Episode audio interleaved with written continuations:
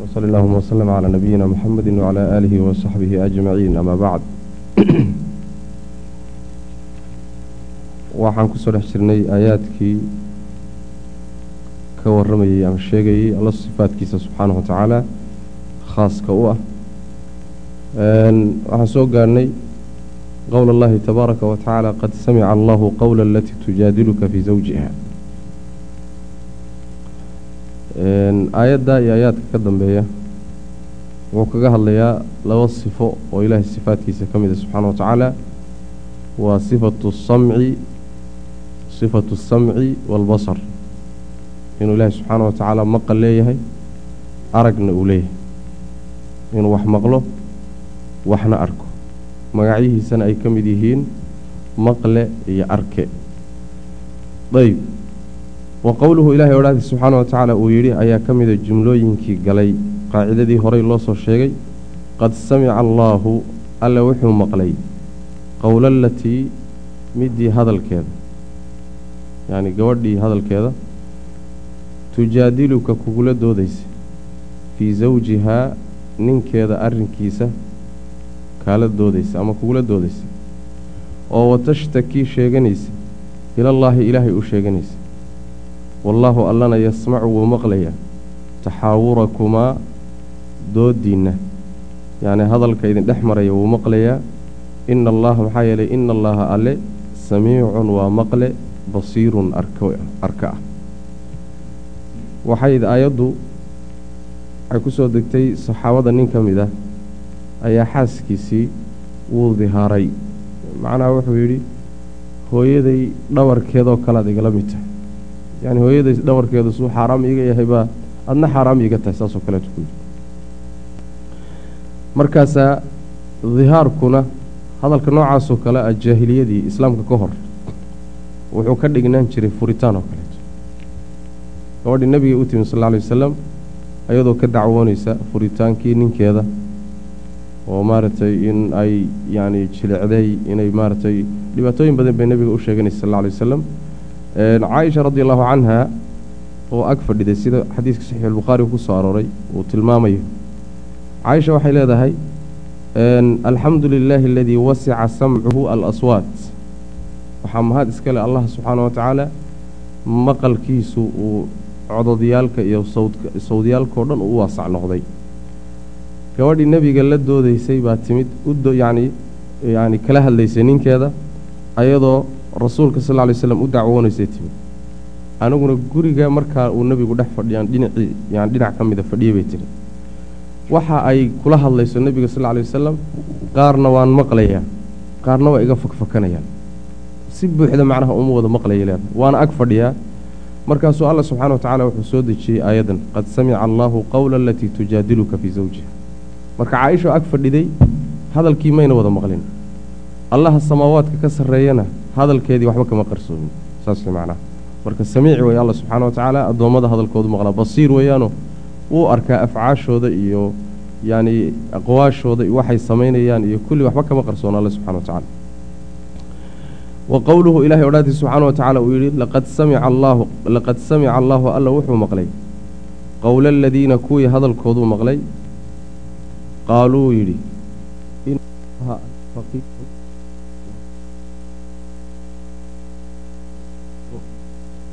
markaasuu si uu u soo beeniye wuxuu yidhi bal waan ka war doonaya marka caqiido rusushii oo dhan ay la yimaadeen kutubtii samaawiga o dhan ku soo aroortay inay tahay rabbi sarrayntiisu ayay faa'iidaynaysaa. Oo xataa shareecadeenna ayna khaas ku ahayn. Maxaa yeelay rusushoo dhan rabbi subxaana wa tacaala meeshuu jiro iyo addoommadiisa inuu ka baxsan yahay inuu kor jiro rusushoo dhan mabda iyo caqiide ay la yimaadeen bay ahayd macna saas weyaan wa qowluu rabbi odhaadii subxaana wa tacaala uu yidhi a aamintum maka aamin ma aamin baad ka tihiin. Man allaha fi samaa'i xagga sare jira. An yaksifa inuu gooyo bikum idinka alarda dhulka inuu idinla gooyo ma aamin baad ka tihiin. Oo fa idaa markaaba hiya dhulkii tamuuru waa mid macnaha waxa weeyaan isbaranbaraysa yacni tamuuru mid macnaha dhaqdhaqaaqaysa oo ruuxanaysa wey macnaha ayib macnaheedu waxa weeye mantaasi waa alla wey. A aamintum ma aamin baad ka tihiin man fi samaa'i allaha xagga sare ku sugan. Samaadaas xagga sare iska dhig. Maxaa yeelay samada luqada carabiga wixii kaa sarreeyaba sama la yidhaahda. Hadda gurigan saanqaafkiisa masaajidka saanqaafkiisa samo waa la dhihi karaa. Hawada kaa sarraysa samaa la yidhahdaa wax walboo kaa sarraysa samaa la dhaha. Samada waxaa kaloo la yidhaahdaa samada jurmiga leh ee yacni waxa weeyaan inoo muuqata ayadana sama la yidhahdaa marka haddii aad doonto waxaad tidhaahdaa man fi samaa'i allaha xagga sare jira haddii laakiin samadii jurmiga lahayd aad aad markaa macnuha aad aad rabto inaad ku fasirto waa lagu fasiri karaaye waxay noqonaysaa a aamintum ma aamin baad ka tihiin? Man allaha fi samaa'i cala asamaa'i samada dusheeda ahaaday. Oo fiida bimacnaa calaa bay markaa noqonaysaa waana loo isticmaala luqada carabiga ah. Fiida bimacnaa calaa waa loo isticmaala waa kii ninkii la odhan jiray muxuu ahaa fircoon soo ma ahayn? A wala usallibannakum fii juduuci annakli waan waxaan idinku deldeli buu yidhi. Saxaradiisii markay rumeeyeen nebi muuse calayhi salaam walle inaan idinku deldeli geedka timirta ah salkiisa iyo jiriddiisa inaan dhexdiisa idinku deldeli marka dhexdiisa kama wado jiridda geedka iyo intaan kala jeexaan dhexda idin gelin kama wadee dushiisaan idinku deldeli buu ka wadaa. Saas macnaha marka fii oo bimacnaa calaa ku timaaday qur'aanka laftiisa ayay ku soo aroortay macnaha saas weya marka fii bimacnaa calaa baad isticmaalay haddii waxay qarsanayaan iyo wanajwaahum faqooda. Waxay ku faqeeyaan ay ku sheekaysanayaan. Balaa iskaba dhaaf arrinku saa meehe wa rusulunaa kuwaannu soo dirsannay waa malaa'igtee ayaa yaktubuuna qoraya ladayhim agtooda xalayhi yacni rusushii ilaahay baa la jira. Rususha halkan waxaa laga wadaa malaa'igta ilaahay uu soo diray ee uu u xil saaray inay qoraan ayaga acmaashooda iyo waxay samaynayaan iyo marka iskaba dhaaf inuusan ilaahay maqlaynin wax jira mee wuu maqlayaaye waxaa intaa dheer qolo loo soo diray baaba ag joogto oo waxay samaynayaan o dhan qoraya macnaha ayib. Wa qowluhu ilaahay odhaadii subxaana wa tacaala uu yidhi inanii macakumaa asmacu wa araa. Wuxuu ahaa nebiyullaahi muusa calayhi asalaam iyo haaruun labadaa nebi calayhima wa calaa nabiyina asalaatu wassalaam markuu alla diray subxaana wa tacaala oo uu diray fircoon u tagale fircoon dacwada gaadhsi tawxiidka gaadhsiiya. Markaase waxay yidhahdeen inanaa nakhaafu an yafruta calayna aw an yadqaa yacni inuu nagu xadgudbo ama nagu qooqo nagu qooqo oo dhib noo geystaan ka cabsanaynaa bay dhehen markaas alla subxana wa tacala wuxuu uhi laa takhaafaa inanii macakumaa asmacu wa araa ha cabsanina. Ee kac hawshaan idiin qabtay horta qabtaa leehi maxaydaan u cabsanaynin? Inanii macakumaa anaa idinla jira maxaa laga wadaa ananii macakumaa? Macnaheedu waxa weeyaan waan maqlayaa waanan arkay waana arkayaa wey macnaa saas weyaan asmacu wa araa. Yacni waxa aad samaynaysaan wuxuu ku hadlayo waxaad kula hadlaysaan kulli xaalka waa la socda. Waanan arkayaa waxaad samaysaan iyo wuxuu sameeyaba igama qarsoona. Saas wey macnaa marka waa idinla jiraayoo anaa idiin hilinaya asmacu wa araa bay marka yacni labada sifo.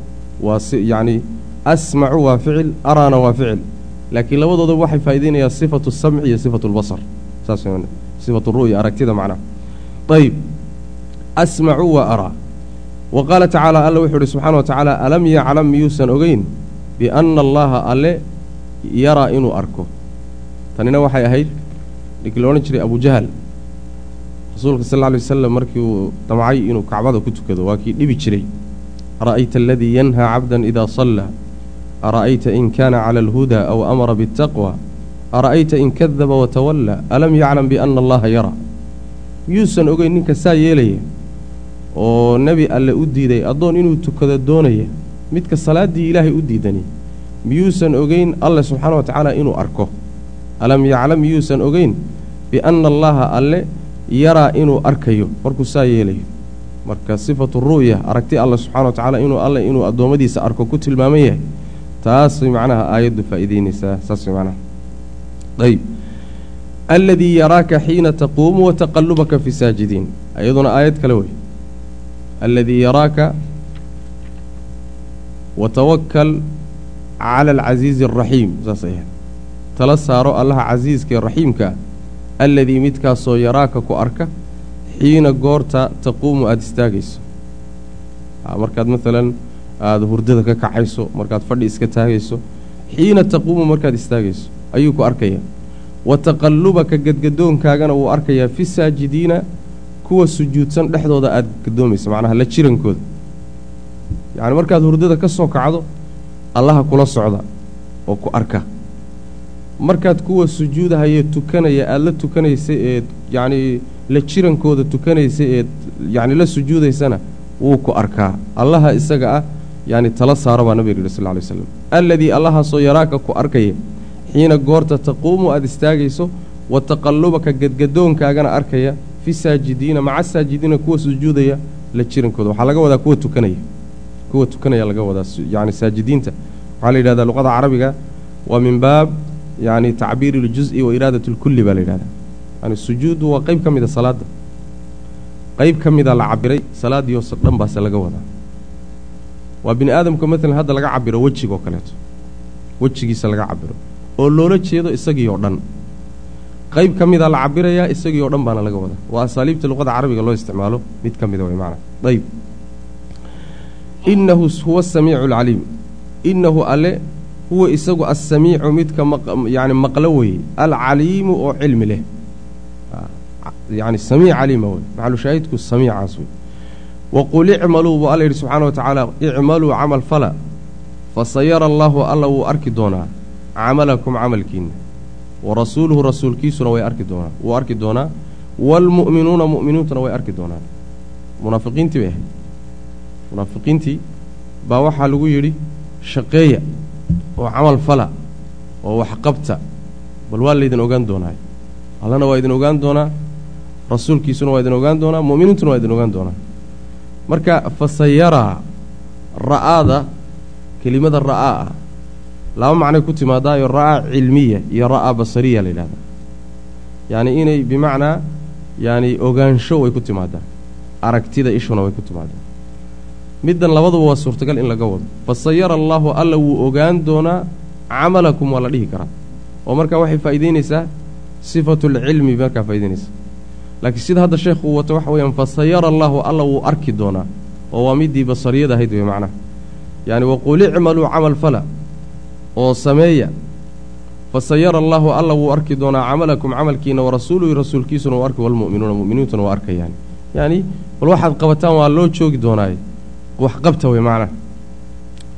Marka ilaahay subxaana wa tacaala waxaa lagu tilmaamay inuu ru'yo leeyahay aragti rasuulkana waxaa lagu tilmaamay inuu aragti leeyahay. Mu'miniintana waxaa lagu tilmaamay inay aragti leeyahay. Ayib. Magacoo ka dhexeeya keliya marka ma keenayo inay aragtiyadu isku mid yihiin. Waxaa uun ka dhexeeya aragti bay leeyihiin makhluuqaadku rasuulka iyo mu'miniintu aragti bay leeyihiin allana aragti buu leeyahay. Laakiin bimujarad aragti ka dhexaysaay oo magacoo ka dhexeeya ma keenayo inay aragtidaas sifaadkeeda iyo tilmaamaheedu ay wadaagaan macnaha saas weeyaan. Isku mid ma aha middanna waa ru'yo khaaliq middanna waa ru'yo makhluuq wey halkaasay ku kala tegayaan macnaha. Ayib. Wa qowluhu ilahay odhaadiisa subxaana wa tacaala uu yidhi wa huwa shadiidu lmixaal halkaa wuxuu kaga soo baxay aayaadkii ku tusayey sifada samciga iyo basarka. Halka wuxuu ka gelayaa sifaadka makriga iyo keydka ayuu meeshan ka gelayaa yacni makri iyo keyd iyo khidaac iyo sifaad noocaasaa jira iyadana qur'aanka ku soo arooray. Allah subxaana wa tacaala yani sifaat alafcaal ah. Ayib. Wa qowluhu ilah odhahday subxaana wa tacaala uu yidhi wa huwa alle shadiidulmixaali makrigiisu mid uu daran yahay wey. Mixaalka laba macnoba waa lagu fasiraa. Mixaalka in la yidhaahdo bimacnaa shadiidu lquwa awooddiisu miday daran tahay waa lagu fasiraa. Macnaha laakiin sheekhu hadda ma wato. Macnaha kaluu wataa oo ah lmixaali ay shadiidu lmakri mid dhagartiisu ay daran tahay wey alla subxana wa tacala mixaalka bimacnaa almakru waalkeyd waay saas weeyaan. Sifaadkan ah makriga iyo keydka iyo khidaaca. Qur'aankay ku soo arooreen. Yukhaadicuuna allaha wa huwa khaadicuhum soo ma ayib wamakaruu wamakara allah. Baa inoo socota alla makri buu sameeyaa innahum yakiiduuna kaydan wa akiidu kaydan. Keyd buu sameeyaa makri buu sameeyaa khidaac buu sameeyaa mixaalkan hadda aan sheegayn inuu sameeyaa kulli waa isku macno dhow yihi qur'aanka marka kuma soo aroorin sifaadkani ayagoo ilaahay inta magac looga jeexay magac looga bixiyey. Oo ma soo aroorin qur'aanka iyo sunnada ilaahay oo lagu magacaabayo maakir ama khaadic la leeyahay maalan ama la leeyahay maalan kaa'id. Ma soo aroorin. Sababku waxa weeye sideedaba makriga waa dhagarta. Waa inaad shayga dhagarto. Waxaa la mida khidaaca waxaa la mida kaydka. Sifaadkaasi marna waxay noqdaan sifaatu madxin wa kamaal. Marna waxay noqdaan sifaatu dammin wa naqsin mar waxay noqdaan sifaad ammaan iyo dhammaystirnaan ku tusa. Marna waxay noqdaan sifaad dhimanaan iyo cay ku tusa. Ceeb ku tusa. Goormay noqdaan sifaatu kamaalin waxay noqdaan markii cid makri kula rabtay oo dhagar kula rabtay oo inuu ku daga rabtay rabay markaad intaad la dhagartanto oo kaydkii uu sameeyey mid la mida intaad la samayso aad kaga adkaato marka waa waa sifaatu madxin ammaan bay markaa noqotaa. Leanna waxay kutusaysaa yaani foojignaan iyo awood ayay markaa faa'iidaynaysaa saas way macnaha waana qaabka qur'aanku alla ugu tilmaamay subxana wa tacaala sifaadka iyaga. Maalan wamakaruu wamakara allah. Iyagaa marka hore makriga sameeyey soo maa wamakaruu wamakara allah. Dhagar bay sameeyeen allana wuu dhagray dhagartii buu kaga reeyey waa sifatu madxin markaa maalan yukhaadicuuna allaha wa huwa khaadicuhum iyagaa khidaaca isku dayey allana subxana wa tacala markaasuu kaga reeyey. Saas wey yakiiduuna kaydan wa akiidu kaydan.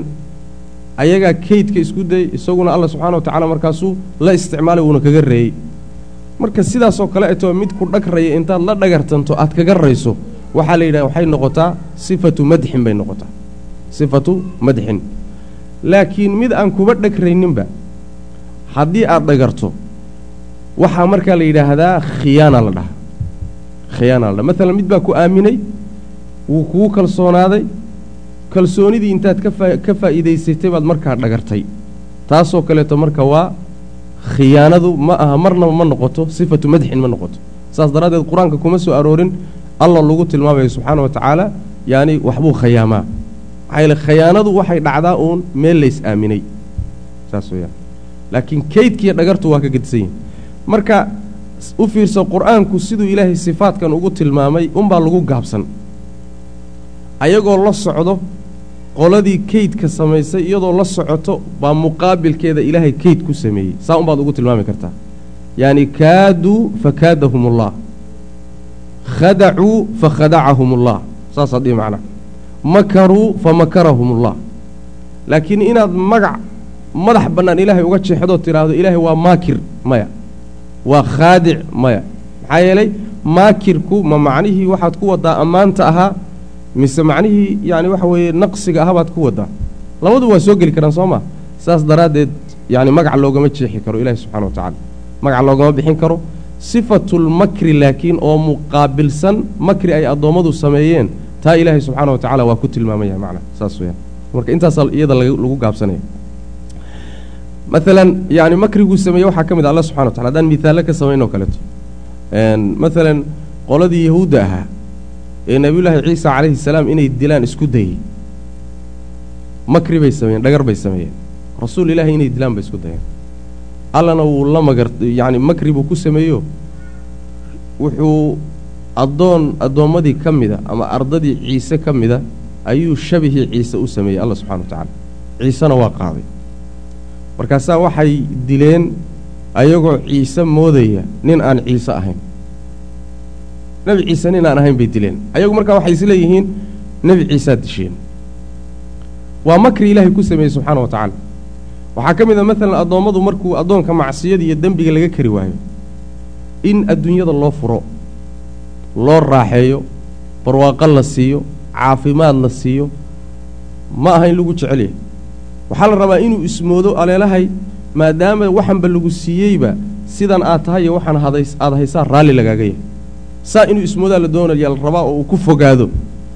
Isagoo marka aan yacani ismoog oon iska warhaynin oo wixii ku mashquulsan si kadaa markaa in lagu qabtaa la doonaya marka waa kayd iyo makri alla ku samaynaya subxana wa tacala saas way macnaha marka alla subxaana wa tacaala waa makriyaa laakiin magartiisu waxay dhacdaa kaydkiisu wuxuu dhacaa khidaaciisu wuxuu dhacaa mid addoommadu ku kaceen. Markuu alla subxaana wa tacaala doonayo inuu macnaha uu ka haalib noqdo macnaha. Ayb wa qowluu rabbi odhaadi subxana wa tacala yihi huwa shadiidu lmixaali yacni sifaatkaas saddex qaybood loo qaybiyaa. Qayb waxaa la yidhahdaa waa sifaatu kamaalin biliطlaaq kamaal bay ku tusaan duubduub ahaanba. Iyagoon waxba laga soo reebin waa sifaatkan soo maraynay samcigii basarkii naxariistii xubbigii. Waa sifaatu kamaal. Qaarna waa sifaatu naqsinoo dhimanaan bay ku tusayaan duubduub ahaanba. Ayaguna waa kuwa qur'aanku si toosa u diiday ilmaha oo ilmo la yeesho oo kaleeto hurdada oo kaleeto ilaa aakhiri shariiga in ilaahay cid wax la wadaagta ay jirto oo kaleeto. Kuwaasi waa sifaatu naqsin. Qaarna labadaasay u dhexeeyaanoo dhinacna marna waxay noqdaan sifaatu naqsin oo markay sidaa macnaha faa'iideynayeen ilahay in lagu tilmaamo ma bannaana. Marna waxa weye waa sifaatu kamaal bay noqdaan oo in ilaahay lagu tilmaamo markaa waa bannaan tahay waa kuwan haddaan dul joogna way. Saas man saddexa qaybood bay sifaat ku qaybsamaan. Wa qowluhu ilahi odhada subxana wa tacala uu yidhi wahuwa shadiidu lmixaali dhagartiisu mid ay daran tahay way alla subxana wa tacaala. Wa qowluhu rabbi odhaadii subxana wa tacaala uu yidhi ayaa ka mida wamakaruu way dhagreen wamakara allaahu allana wuu dhagray wa huwa alle khayrulmaakiriina inta wax dhagarta ayuu ugu khayr badan yahay ayb waa kooxdii nebiyullaahi saalix calayhi salaam isku dayey inay dilaan. Taqaasamuu billaahi lanubayitannahu uma lanaquulanna liahlihi maa shahidnaa mahlika ahlihi. Inay nebi saalix intay dilaan iyo isku dhaarsadeen. Aan dillo markaa kadibna dadkii uu ka dhashay aan dhahno meel uu ku halaagsamay iyo wax dili toona kama warhayno goobjoogna maanaan ka ahayn. Marka dhagar bay sameeyeen allana ugu dhagray subxana wa tacala wamakaruu wamakar allah way macna. Ayb marka nebi alle subxaana wa tacaala bay dilkiisa isku dayeen. Nebi allay dilkiisa isku dayeen. Waa dhagar waa khalad ay ku kaceen.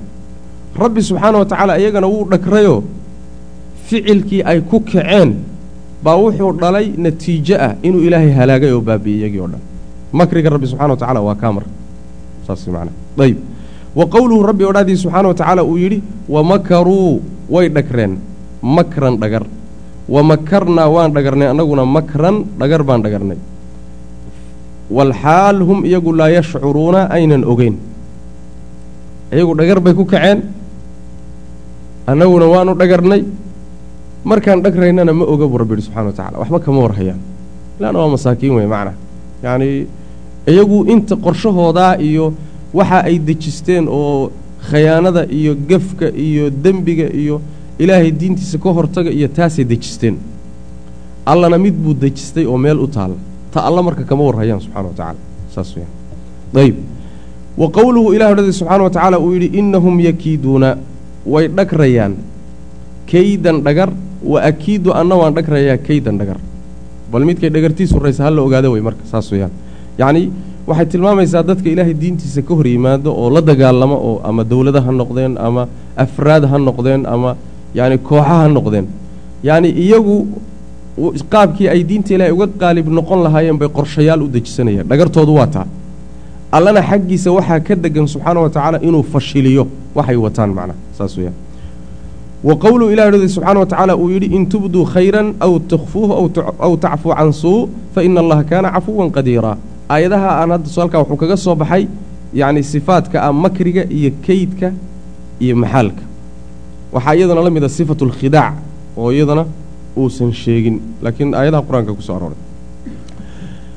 Ayib halkan wuxuu ka gudagelayaa hadda oo uu rabaa inuu iyadana tilmaamo sifaadka ah cafwiga makfirada qudrada iyo cizada sifaadkaasu hadda meesha ka gudagelaya alla wuxuu uhi subxana wa tacaala in tubduu haddii aad qarsataan khayran wanaag aw amase tukhfuuhu aada muujisataan aw amase tacfuu aada cafidaan can suu'in xumaan laydinku sameeyey iska cafidaan fa ina allaha alle kaana wuxuu ahaaday cafuwan midkii dhaafa qadiiran oo awooduu ahaaday alla subxana wa tacaala. Macnaheedu waxa weeyaan haddaad wax khayra samaysaan oo aada muujisataan dadkoo idinla og laydinla arkayo laga warhayo haddaad samaysaan. Ama aada qarsataanoo khayr aan laydinla ogeyn aada samaysaanoo adigu un keliya aada og tahay. Ama xumaan lagugu sameeyey aada iska cafido kulligeed waa khayr. Allana subxaana wa tacaala wuxuu ahaaday cafuwan cafiye qadiiran awoodla. Ah awoodla buu noqday alla subxana wa tacala labadaasi booye marka cafuwan qadiiran. Cafwigu waa dhaafitaanka. Wixii lagugu sameeyey khaladkii lagaa galay ood iska saamaxday. Cafwigu wey qadiirkuna waa qudraddii bay faa'iideenoo awood wey labadaasi markay kulmaan bay madxi noqotaa ruux tabar waayey oon awood lahayn cafigiisu ammaan ma aha saas way macana mid tabar waayey oo dantu ay meesha dhigtay waxba yacni aan ka qaban karin wixii lagugu sameeyey wixii lagu sameeyey waxba ka qaban karin oon aar goosan karin cafigiisu waxba faa'iido saasa ma leh. Laakiin cafiga ammaantii waxa weeyaan adoo kari kara oo awood u leh inaad aar goosato markaad iska cafido. Labadiiba alla lagu tilmaamay subxana watacala labada sifa saasaa loo talmin loo kulminaya macana yacni ina allaha fa ina allaha kaana cafuwan qadiiran cafigiisu kama imaanin cajzi ee wuxuu ka yimid yacni qudra. Awood isagoo lebu haddana alla iska cafin subxana wa tacala saas ayb wa qowlii ilah idhahdi subxaana wa tacala ayaa ka mid a waliyacfuu ha cafiyeen waliyasfaxuu ha dhaafeen. Alaa tuxibuuna miyaydaan jeclayn an yakfir allahu inuu ilaahay dhaafo lakum idinka idiin dhaafo. Wallahu allana kafuurun midkii dhaafo ee raxiimun oo naxariista ayaddanna waxay ahayd waxay ku soo arortay qisadii qisatu lifki xaadiثat lifki been abuuradkii lagu sameeyey guriga nebiga sal ly slam iyo xaaskiisa aayaadkii lagu tacliiqinayey bay ku soo aroortay marka waxaa ka mid ahaa raggii been abuuradka ka qayb qaatay caaisho lagu been abuurtay nin la odhan jiray musdax ibnu uthaatha oo saxaabi ahaa. Abubakr sidiiq habaryatiina ay dhashay. Habaryartii baa dhashay gabadha wax laga sheegayana waa xaaskii nebiga sal lla lay wasalam waana abubakar gabadhiisii wey marka ninkii dadkii ka qayb qaatay buu ka mid ahaa musdax abubakar markii been abuuradkii guriga nebiga sal lla lay slam lagu been abuurtay oo caaisha lagu yacni ay kuwa munaafiqiinaiyo qaar muslimiin oo macnaha la khalday iyo ay ku sheegeen inay zinaysatay oo khaladkaasi macnaha waxa weeye ay dad badan ku dhaceen allana uu qur'aan soo dejiyo wixii inaysan waxba ka jirin la caddeeyey. Ayuu markaa kadib abubakr sidiiq wuxuu ku dhaartay inuu musdax ninka la yidhaahdo oo gurigiisa ku taxnaa oo isagu nafaqayn jira oo biili jiray inuu biilkii ka goosanayo maadaama uu darro ku kacay isagoo qaraabo la ahaa qaraabtinimadii ma ilaalinin yaani waxa weyaan maaratay ma ilaalinin ixsaankii iyo wanaaggii iyo samafalkii loo samaynayay ma ilaalinin abubakr sidiiq marka wuxuu ihi bas baad iga tahy meeshii kaleed aadaysa aad. Go'aankaasuu ku dhaartay macnaa tiibuu marka rabbi subxaana wa tacaala abubakr sidiiq laga waaniyo waxaa la yidhi walaa ya'tali ululfadli minkum waasacati an yu'tuu uli lqurba waalmasaakiina waalmuhaajiriina fii sabiili illah walyacfuu waliyasfaxuu alaa tuxibuuna an yakfira allahu lakum wallahu hafuuru raxiim. Ha ku dhaaranina la yidhi dadka masaakiinta ee guryihiinna ku nool wax siinayseen inaad wixii ka goosataan ha ku dhaarannina walyacfuu ha iska cafiyeen buu alla yidhi subxana wa tacaala iska cafiye. Khaladkay galeen iska dhaafa waliyasfaxuu ha ka jeedsadeen. Safxiga waxaa la yidhahdaa inaad khaladkii lagugu sameeyey sheegsheegitaan xataa inaadan u yeelanin. Cafigana waxaa la yidhaahdaa inaadan ciqaabin ciddii kuu geysatay. Saas macnaha cafiga macnaha waxa wey inaad ciqaabtii ka saamaxdo. Safxigana waxaa la yidhahdaa inaad isagoo dhanba iskaga jeesato aadan xataa qalbigaaga iyo carabkaaga iyo kulli aad ka ilaaliso. Waliyasfaxuu alaa tuxibuuna miyaydaan jeclayn? Buu alla yidhi subxana wa tacaala an yakfira allaahu inuu ilaahay dhaafo lakum idinka. Inuu ilahay idin dembi dhaafo sooma rabtaanoo ma jeclidin. Jawaabtu waa haa. Wallaahu alle hafuurun midkii dhaafoyo raxiimun oo naxariista. Yacni waa dhaafe naxariista ah alle subxana wa tacala marka saa yeele wey.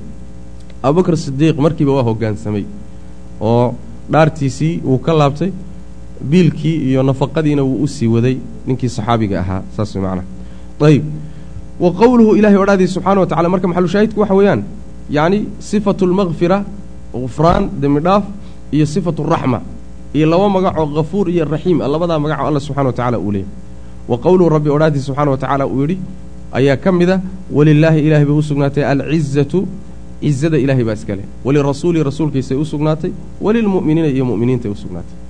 Aayaddanina waxay ahayd munaafiqiintii baa loogu jawaabayey yacni waa kuwii odhan jiray markii nebigu sal alla alay wasalam uu duulaanka u baxay oo maqnaa. Lain rajacnaa ila almadiinati layukhrijanna alacazu minha aladal cabdullaahi ibnu ubay ibnu suluul ayaa ku dhaartay.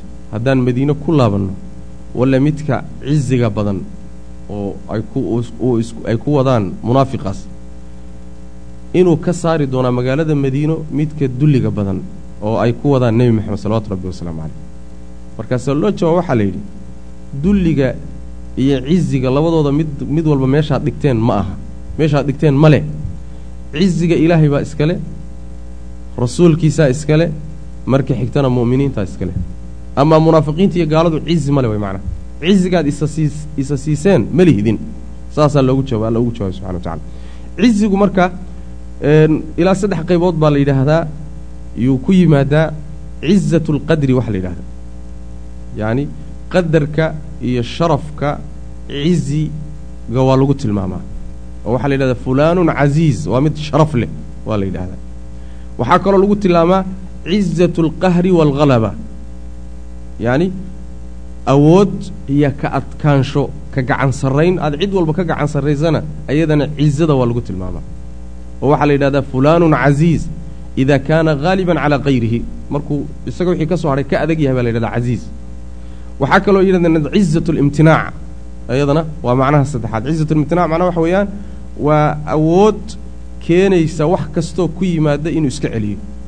Naqsiga wixii ku imaan kara inuu iska celiyo ceeb inaysan ku imaan karaynin awood kaloo ku imaan karta inaysan jirin cizatulimtinac baa la yidhahda saddexduba waa soo gelayaan saddexdaba ilahay baa iskale subxana wa tacala dayib rasuulka iyo mu'miniintu cizigay leeyihiin iyo ciziga rabbi subxaana wa tacaala magac unbaa ka dhexeeya mooye yacni xagga kayfiyada iyo qaabka isku mid maaha. Maxaa yeele cizada mu yacni nebiga iyo mu'miniintu waa makhluuq cizadiisa waay.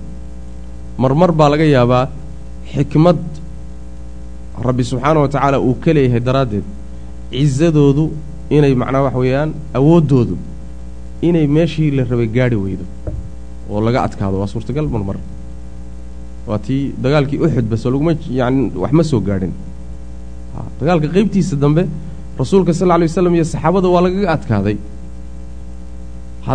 Taasi waxay kutusaysaa cizada makhluuqu inuu naqsi geli karo marmarka qaarkood.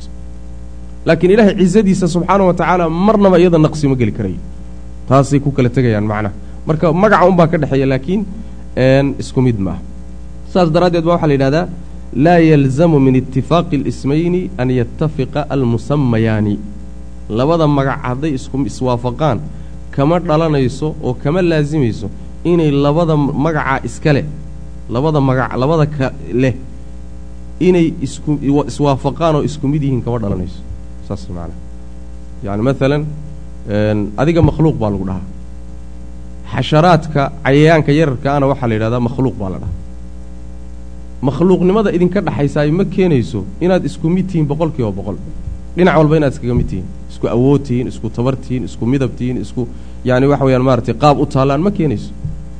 Marka yacni itifaaqu lmusamayayni laa yalzam minhu itifaaq waxaan dhihi laha itifaaqu lismayni laa yalzam minhu itifaaq almusamayayni saas way macnaha ayib walilaahi alcizatu walirasuulihi walilmu'miniin wa qowli ibliisa aayaddaasi marka waxay sugtay cizada sifatulciza ayay ilaahay u sugtay subxana wa tacala wa qowluhu ilahay odhaadiisa ayaa ka mid a can ibliisa isagoo ka sheekaynaya uu yidhi qaala wuxuu idhi ibliis fabicizatika rabbigow cizadaadan ku dhaartaye la uqwiyannahum walla inaan baadiyayni aadam carruurtiisa ajmaciina xaalay idin yihiin.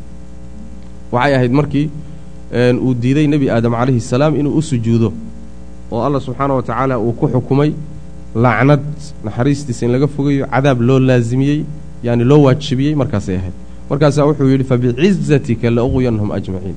Cizadu marka waa sifo ilaahay subxaana wa tacaala. Saas daraaddeed buu ibliis ugu dhaaranaya. Maxaa yeele ilaahay sifaadkiisa waa lagu dhaaran karaa. Shaygu inuu sifo ilaahay yahay waxaa ku tusaya haddii lagu dhaarto macnaha sifo ilaahay way saas macnaha. Maxaa yeele sifaadka ilaahay rabbi sida loogu dhaaran karo baa sifaadkana loogu dhaaran karaa. Maalan ilaahay hadalkiisa qur'aanku waa hadalka ilahay soo maha waa sifo ilaahay waa lagu dhaaran karaa laakiin rasuulka ma lagu dhaaran karaa. Ilaahay iyo rasuulka ma la dhihi karaa. Maya laguma dhaaran karo maxaa dhaartu ilaahay keliyitaa iskale subxana wa tacaala. Cid kale laguma dhaaran karo waalid baan lagu dhaaran karin rasuul baan lagu dhaaran karin cid kaloo lagu dhaaran karo ma jirta macnaha ilaahay iyo sifaadkiisa ayaa lagu dhaaran kara laakiin ilaahay subxana wa tacala isagu awooddu wuxuu u leeyahay makhluuqiisa kii uu doono inuu ku dhaarto. Qoraxduu ku dhaaran dayaxuu ku dhaaran samaduu ku dhaaran yani waxa weyaan maaratay wux doonuu ku dhaaran karaa allah subxana wa tacaala. Saas way macnaha ayib qaala fabicizatika la uqyanahum ajmaciin waxaa qariib ah ibliis ninka la yidhaahdo ilaahay subxaana wa tacaala inuu sifo leeyahay waa ogolyahay sifatulciza ilahay waa u ogolyahay ibliis qolo muslimiinta ka midana ma ogolo ilaahay inuu cizo leeyahay sifatulciza waa u diideen bal u fiirso ibliis waa ogol yahay ilaahay inuu cizo leeyahay bal sifatulcizo ilahay leeyahy buu ku dhaaranaya qolyihii firaqdii luntayna waxay leeyihiin cizo ilaahay laguma tilmaami karo wa qowluhu ilahi odhahdii subxana wa tacala ayaa ka mid halkaa marka wuxuu kaga soo baxay sifaadkii dhowrka ahaa en soo sheegnay sifatu alcafwi sifatu almakfira iyo sifatu alqudra wa sifatu alciza intaasuu kaga soo baxay. Halkanna wuxuu ka gudagelayaa yacni waxaa la yidhaahdo inuu ilaahay u sugo subxaana wa tacaala magac. Ihbaatu اlismi lilahi tabaaraka wa tacaala wa nafyu اlmihli canhu. Yani ilaahay oo ismi loo suga waxa la yidhaahdo in lala mid yahay oo lagula mid yahay magacyadiisa ama daatadiisana laga anfiyo loo diido. Ayb wa qowluhu rabbi odhahdii subxana wa tacaala baa ka mida tabaaraka waxaa kor ahaaday. Ismu rabbika rabbigaa magaciisa tabaaraka dhe waxaa barako batay. Ismu rabbika rabbigaa magaciisa khayr batay oo barako batay. Rabbigii diljalaali weynanka u saaxiibka ahaa waalikraami iyo karaamaynta.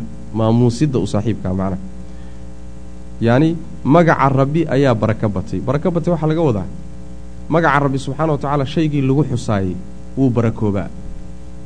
Saas cuntada markaad cunayso bismi illaahi haddaad tidhaahdo shaydaan kula cuni maayo way kuu barakoobi. Markaad weysaysanayso bismi illaahi haddaad tidhaahdo weysadii way barakoobi. Wahaakada markaad reerkaa u galmaanayso bismi illaahi allaahuma jannibna shayطaana wajannibi shayطaana ma maa rasaqtana haddaad tidhaahdo oo habeenkaa ilmo lagaa siiyo galmada ilmahaasi shaydaan dhibi maayo. Siduu nabig noo shegay sal lay slm waa barakada bismi illaahi wey. Markaad musqusha gelaysa bismi illaahi haddaad tidhaahdo yacni shayaadiinta dhex degan ee lab iyo dhadig kale ku dhibi maayaan. Marka bismi illaahi tabaaraka smu rabbika barakadiisaa batay wey. Magaca ilaahay waa barako badanya shay loo qabtaayo waa barakoobaya macana saas wey. Tabaaraka waxaa yacni barako batay ismu rabbika rabbigaa magaciisa. Diljalaali allihii weynaanta u saaxiibka ahaa walikraami iyo karaamaynta. Ikraamka waynu soo sheegnayo isaguna rabbi wuxuu mudan yahay in la karaameeyo. oo karaamayntiisu waxa weeyaan in la adeeco oo aan la caasiyin.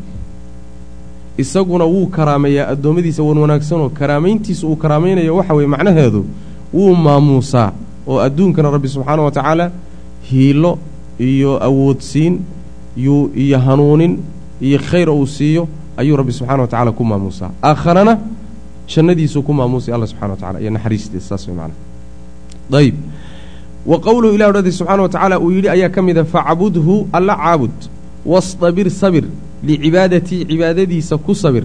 Hal taclamu miyaad og tahay low isaga samiyan wax la magaca?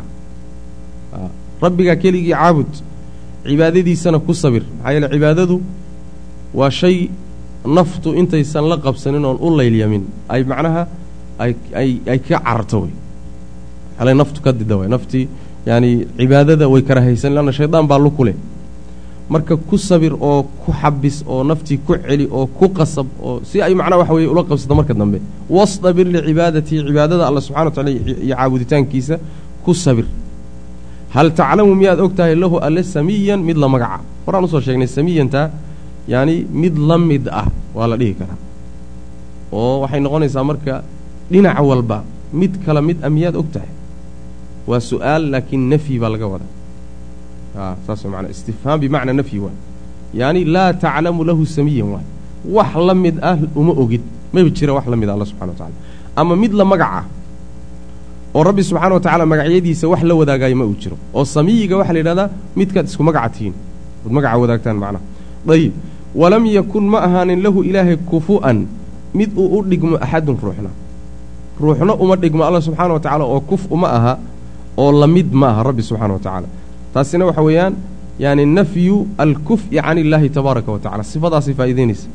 In loo diido alla subxaana wa tacaala inuu kuf yeesho in la diido oo la anfiyo. Maxaa yeeley horaan u soo marnay sifaatku waa laba qaybood. Sifaatun manfiya wa sifaatun muhbata soo ma? Sifaad ilaahay loo sugayo iyo sifaad loo diidayo. Tani marka waa sifaadkii loo diidayey wey oo ah inuu ilaahay kuf leeyahay mid la mida uu jiro mid u dhigma uu jiro mid arrinkaa inaad anfido diidda wey macana saas weya walam yakun ma ahaanin lahu ilaahay kufu-an miduu u qalmo ama u dhigmo axadun ruuxna ilaahay uma dhigmo subxaana wa tacaala oo la mid maaha macnaha lama sinna. Wa qowluhu alla odhaadii subxaana wa tacaala uu yidhi falaa tajcaluu ha yeelina lilaahi ilaahay ha yeelina andaadan kuwa la mid ah walxaal antum idinku taclamuuna aada og tihiin inuusan ilaahay kuwa la mida lahayn. Idinkoo og oo ka warhaya inaysan jirin wax ilaahay la mida haddana kuwa la mid a ha samaynina ha yeelina kuwa ilaahay la mida subxana wa tacaala. Waxaa laga wadaa xagga cibaadada. Waxay ku timid yacni rabbi keligii caabuda oo cibaadada isaga khaaska u ah ee gooni uu u leeyahay cid kale ha la wadaajinina oo kuwa aada cibaadada ilaahay wax ka siiseen waxay la mid noqonayaan sidii waxay noqonayaan kuwo isaga la mid oo kaleeto. Saas way macnaha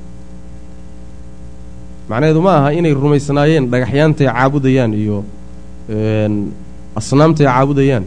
Mayna rumaysnayn awoodda ilaahay oo kale inay leeyihiin. Saas. Bal waxaaba ka mid a waxyaalahay dhihi jireen labayka laa shariika laka ilaa shariikun huwa laka tamlikuhu wamaa malak. Macnaa waxa weeyaan shariik ma lihid mid wax kula wadaaga ma lihid. Ilaa mid wax kula wadaago ood adigu leedahay adigaa iska leh waxna waa kula wadaaga saas macnaa. Ilaa shariikun huwa laka adaa iska leh.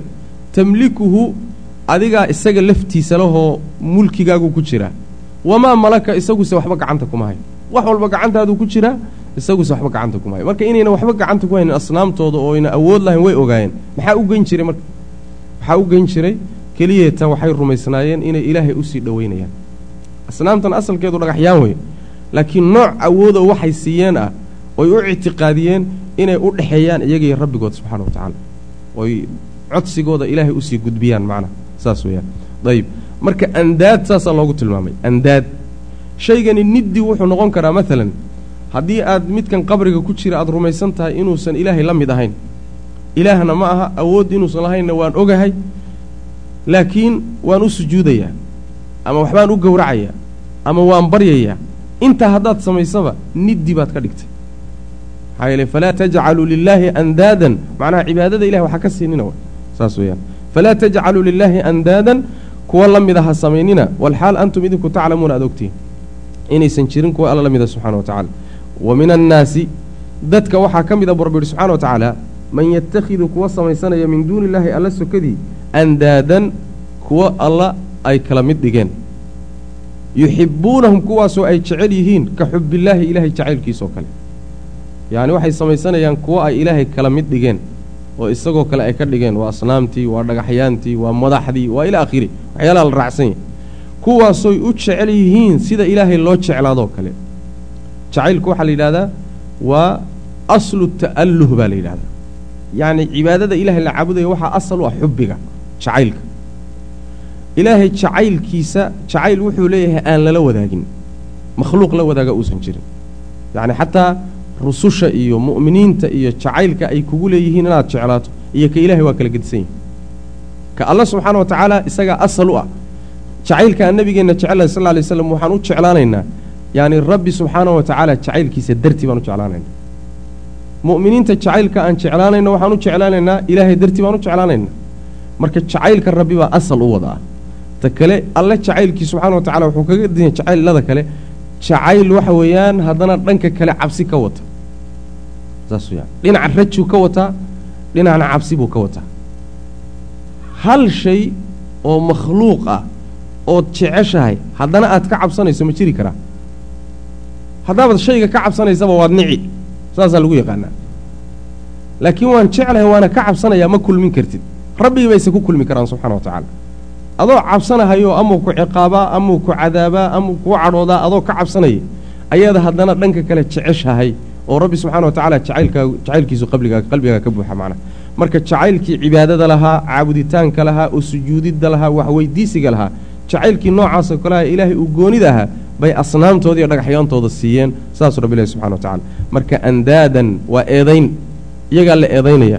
Arrinkaasi inuusan bannaanayn baa la tilmaamayaayo iyagaas lagu dhaleecaynaya macnaha qolyihii saas sameeyey. Ayib wa qowluhu alla odhahdii subxaana wa tacaala uu yidhi waqul ilxamdu lilah halkaa wuxuu kaga soo baxay ilaahi subxaana wa tacaala oo uu ismi u sugay iyo aayaadka intooda badanoo ka anfiyey alla subxaana wa tacaala waxa la yidhaahdo inuu leeyahay mathiil mid la mid a inuu mid la mid a maxaa yeelay yaani kufu-anta iyo andaadda waa isku macno dhow yihiin. Saas macnaha kulligoodna waa sifaat manfiya sifaat salbiya. Ilahi subxana wa tacala loo diiday way mana maxa yele waa sifaatu naqsi waa halkan wuxuu ka gudagelayaa sifo kale oo iyadana sifaadka ilaahay loo diido ka mid a. oo sifaadka salbigee in la diido oo ruuxu inkiro ay waajib tahay ka mid a. Maxay tahay sifadaasi? Waa sifatu nafyi shariiki can illaahi tabaaraka wa tacaala. Ilaahay in cid wax la wadaagto ay jirto waa in iyadana aada diiddo. Masalan daatadiisa in lala wadaago waa inaad diiddo sifaadkiisa iyo magacyihiisa in lala wadaado waa inaad diiddo. Cibaadaadka isaga khaaska uu leeyahay in lala wadaago waa inaad diiddo. Mulkiga iyo boqortooyada in lala wadaago waa inaad diiddo. Nafyu shariik taasay aayaadku ka hadlayaan macnaa soo socda allah subxana wa tacala wuxuu uhi waqul waxaad tidhahdaa alxamdu mahad lilaahi ilaahay bay u sugnaatay. Ammaan ilaahay baa iskale iyo dhammaystirnaanteeda alladii allahaasoo lam yattakhid aan samaysanin waladan ilmo. Waa sifatu nafyin soo ma ilmo male ilaahay subxana wa tacaala. Yani waxaa lagu radinayaa baan idhi yahuudda oo yidhi cusayr wiil ilaahay buu ahaa. Iyo nasaarada oo yidhi ciise wuxuu ahaa wiil ilaah iyo mushrikiintii carbeed oo yidhi malaa'igtu gabdho ilaahay bay ahayn intaasoo dhan baa lagu radinaya. Lam yattakhid waladan wax ilma a ma yeelanin. Walam yakun mana ahaanin lahu ilaahay shariikun mid la wadaagaayey filmulki boqortooyada dhexeeda mid la wadaagaana ma jiro wax la wadaagana ma jiro. Mulkiga waxaa laga wadaa abuurista makhluuqan. Cidina lama wadaaginoo gacan kamayna geysanin. Dayib. Gacan ku haynta makhluuqana cidina lama wadaagto. Cid uu uu dhiibay intaa adigu hay oo adigu maamul ma jiro. Maamulka kownka iyo makhluuqaadka iyo taladoodii iyo midka la dilayay iyo midka la noolaynayo ka wax la siinayo ka loo diidahayay iyo cid uu iyadana la wadaagto ma jirta isagaa gooni la allah subxana wa tacala saas macnaa yacni waxay diidaysaa caqiidada ah in allah subxaana wa tacaala ama lala wadaago maamulka ama abuurka lala wadaago ama talalada lala wadaago taasoo dhan bay macnaha rumaysayin kutubta qaarkeed ku qoran kutubtan dariiqooyinka suufiyada in ilaahay subxaana wa tacaala uu kownka maamulkiisa u dhiibay alkawth alacdam waxay yidhahdaan. Alkawth alacdam yacni kawth alacdamka waxaa la yidhahdaa awliyada waxay yidhahdaan darajaad bay kala leedahay. Nin baa ugu weyn awliyada oo madaxda awliyada ah. Kawthulacdam kaasaa la yidhahdaa. Inta badan waxay ku tilmaamaan sheekh cabdiqaadir aljilaani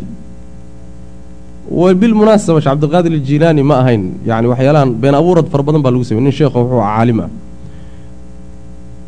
Kawthul acdamka adduunka maamulkiisa waxaa uga hooseeya bay yidhaahdaan afar qudbi alaqtaabu alarbacay dhahaan afar qudbi baa uga hooseeya afartaa qudbi waxaa ka hooseeya yidhaahdaan yaani toddoba. Toddobada qaaradood bay kala joogaan. Oo mid walba qaarad buu ka taliyaa. Afartaa waxaa ka hooseeya afartan ay ku magacaabaan buddelo iyo nujabo. Oo iyaguna macnaha waxa weeyaan kuwaa ka sii hooseya macnaa baarlamaankii oo kale wey malaha qaab macnaha waxa weye dimuqraati oo kale u dhisan yihi marka waxaasoo dhan wax ka jira ma leh khuraafaad wey wax ilaahay kownkiisa la maamula oo awood leh oo qayb ka mida loo dhiibo lo yidhi adugu qaybtaa u tali ma jiro. Rabbi subxaana wa tacaala wax la wadaagana ma jiro. Keligii baa kownkiisa maamula alla subxana wa tacala saas weeyaan. Ayb nin uu wax u dirsaday waa meesheeda oo uu yidhahdo hawshaa soo qabo.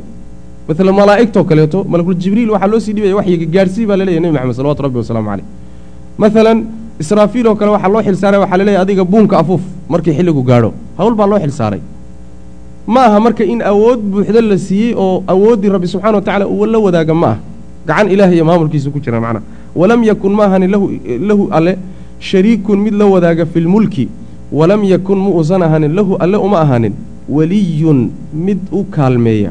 Min adulli dulli daraaddii dulli ku dhacay daraaddii mid ugu kaalmeeya. Male alla subxana wa tacala weliga waxaa la yidhahdaa bimacnaa kaaliye tabardarro ku dhacday dulli ku dhacay yacni waxa weeyaan dulli gaadhay. Cid uga kaalmaysa ma jirto alla subxana wa tacala maxaa yeele dulliba ma gaadhaba soo ma? Likamaali cizatihi wa kamaali qudratihi buusan alla subxana wa tacaala aynan u gaadhi karin wax la yidhahdo dulli. Mar hadduusan dulli iyo gaadhi karinna uma baahna alla subxana wa tacaala cid u kaalmaysa macnaha wa kabirhu weyney alla subxaana wa tacaala takbiiran weyneyn. Ayib. Aayaddaa marka waxay faa'iidaysay sifaatu nafyin. Kulligeed waa sifaatu nafyin. Sifaat salbiya waa. Ilaahay oo walad loo diido alla oo cid wax la wadaagta la diido alla oo subxaana wa tacaala cid u kaalmaysa ama u hiilisa la diido waa sifaat salbiya. Kulligeed saas way macnaha wa kabirhu weyney alla takbiiran weyneyn yacnii afka carabkaaga ka weyney allahu akbar qalbigaaga ka weyneeyo ha ku weynaado qalbigaaga. Yacni adimadaadii xubnahaaga ka weyneeyo wax rabbii weyneynayo uu jecel yahay mooye wax kale ha samaynayo wakabirhu takbiiran saas. Ayib wa qowlihi tacaala ilahi odhaadii subxana wa tacala uu yidhi yusabbixu lilaahi ilaahay waxaa u tasbiixsanaya maa fi samaawaati waxyaalaha dhulayaal ku dhex sugan wamaa fi lardi waxyaalaha dhulka dhexdiisa ku sugan. Lahu isaga keligiibuu u sugnaaday almulku boqortooyadu walahu keligiibuu u sugnaaday alxamdu mahaddu wa huwa isaguna calaa kulli shayin wax walba dushiisa qadiirunkii awoodo. Wey wax walboo dhulka ku dhex nool dhulka dhex jooga dheh ama ha noolada mayso noolaanayn ama makhluuq kasta oo yacni cirka jooga oo xagga sare joogaaya ilaahay bay nasahayaan subxana wa tacaala. Tasbiixdu ma sifatu ma sifa salbiya mise waa sifa sifa muhbata waa sifa salbiya. Leanna ilaahay bay u diidaysaa subxaana wa tacaala wax walba oo naqsi ah. Waa sifaadka yacni diiddada ah oo alla u diidaya ka nasahaya ka hufaya ceebta. Saas weeyaan alla marka waxaa ceeb ka hufaya kala dhimanaanoo dhan waxaa ka hufaya naqsi waxaa ka hufaya wax walba oo kor ku nool ama hoos ku nool dhulka ku nool ama samawad ku dhex nool makhluuq o dhan wey macnaha makhluuq oo dhan baa ilahay subxana wa tacala nasahaya ayib say u nasahayaan waa tii aayaddu ay tusabbixu lahu asamaawaatu asabcu waalardu waman fiihinna wain min shayin ilaa yusabbixu bixamdihi walaakin laa tafqahuuna tasbiixahum idinka un baan garanaynin say ilaahay ugu tasbiixsanayaane makhluuqan oo dhan ilahay bay ugu tasbiixsanayan subxana wa tacala saas weeyaan.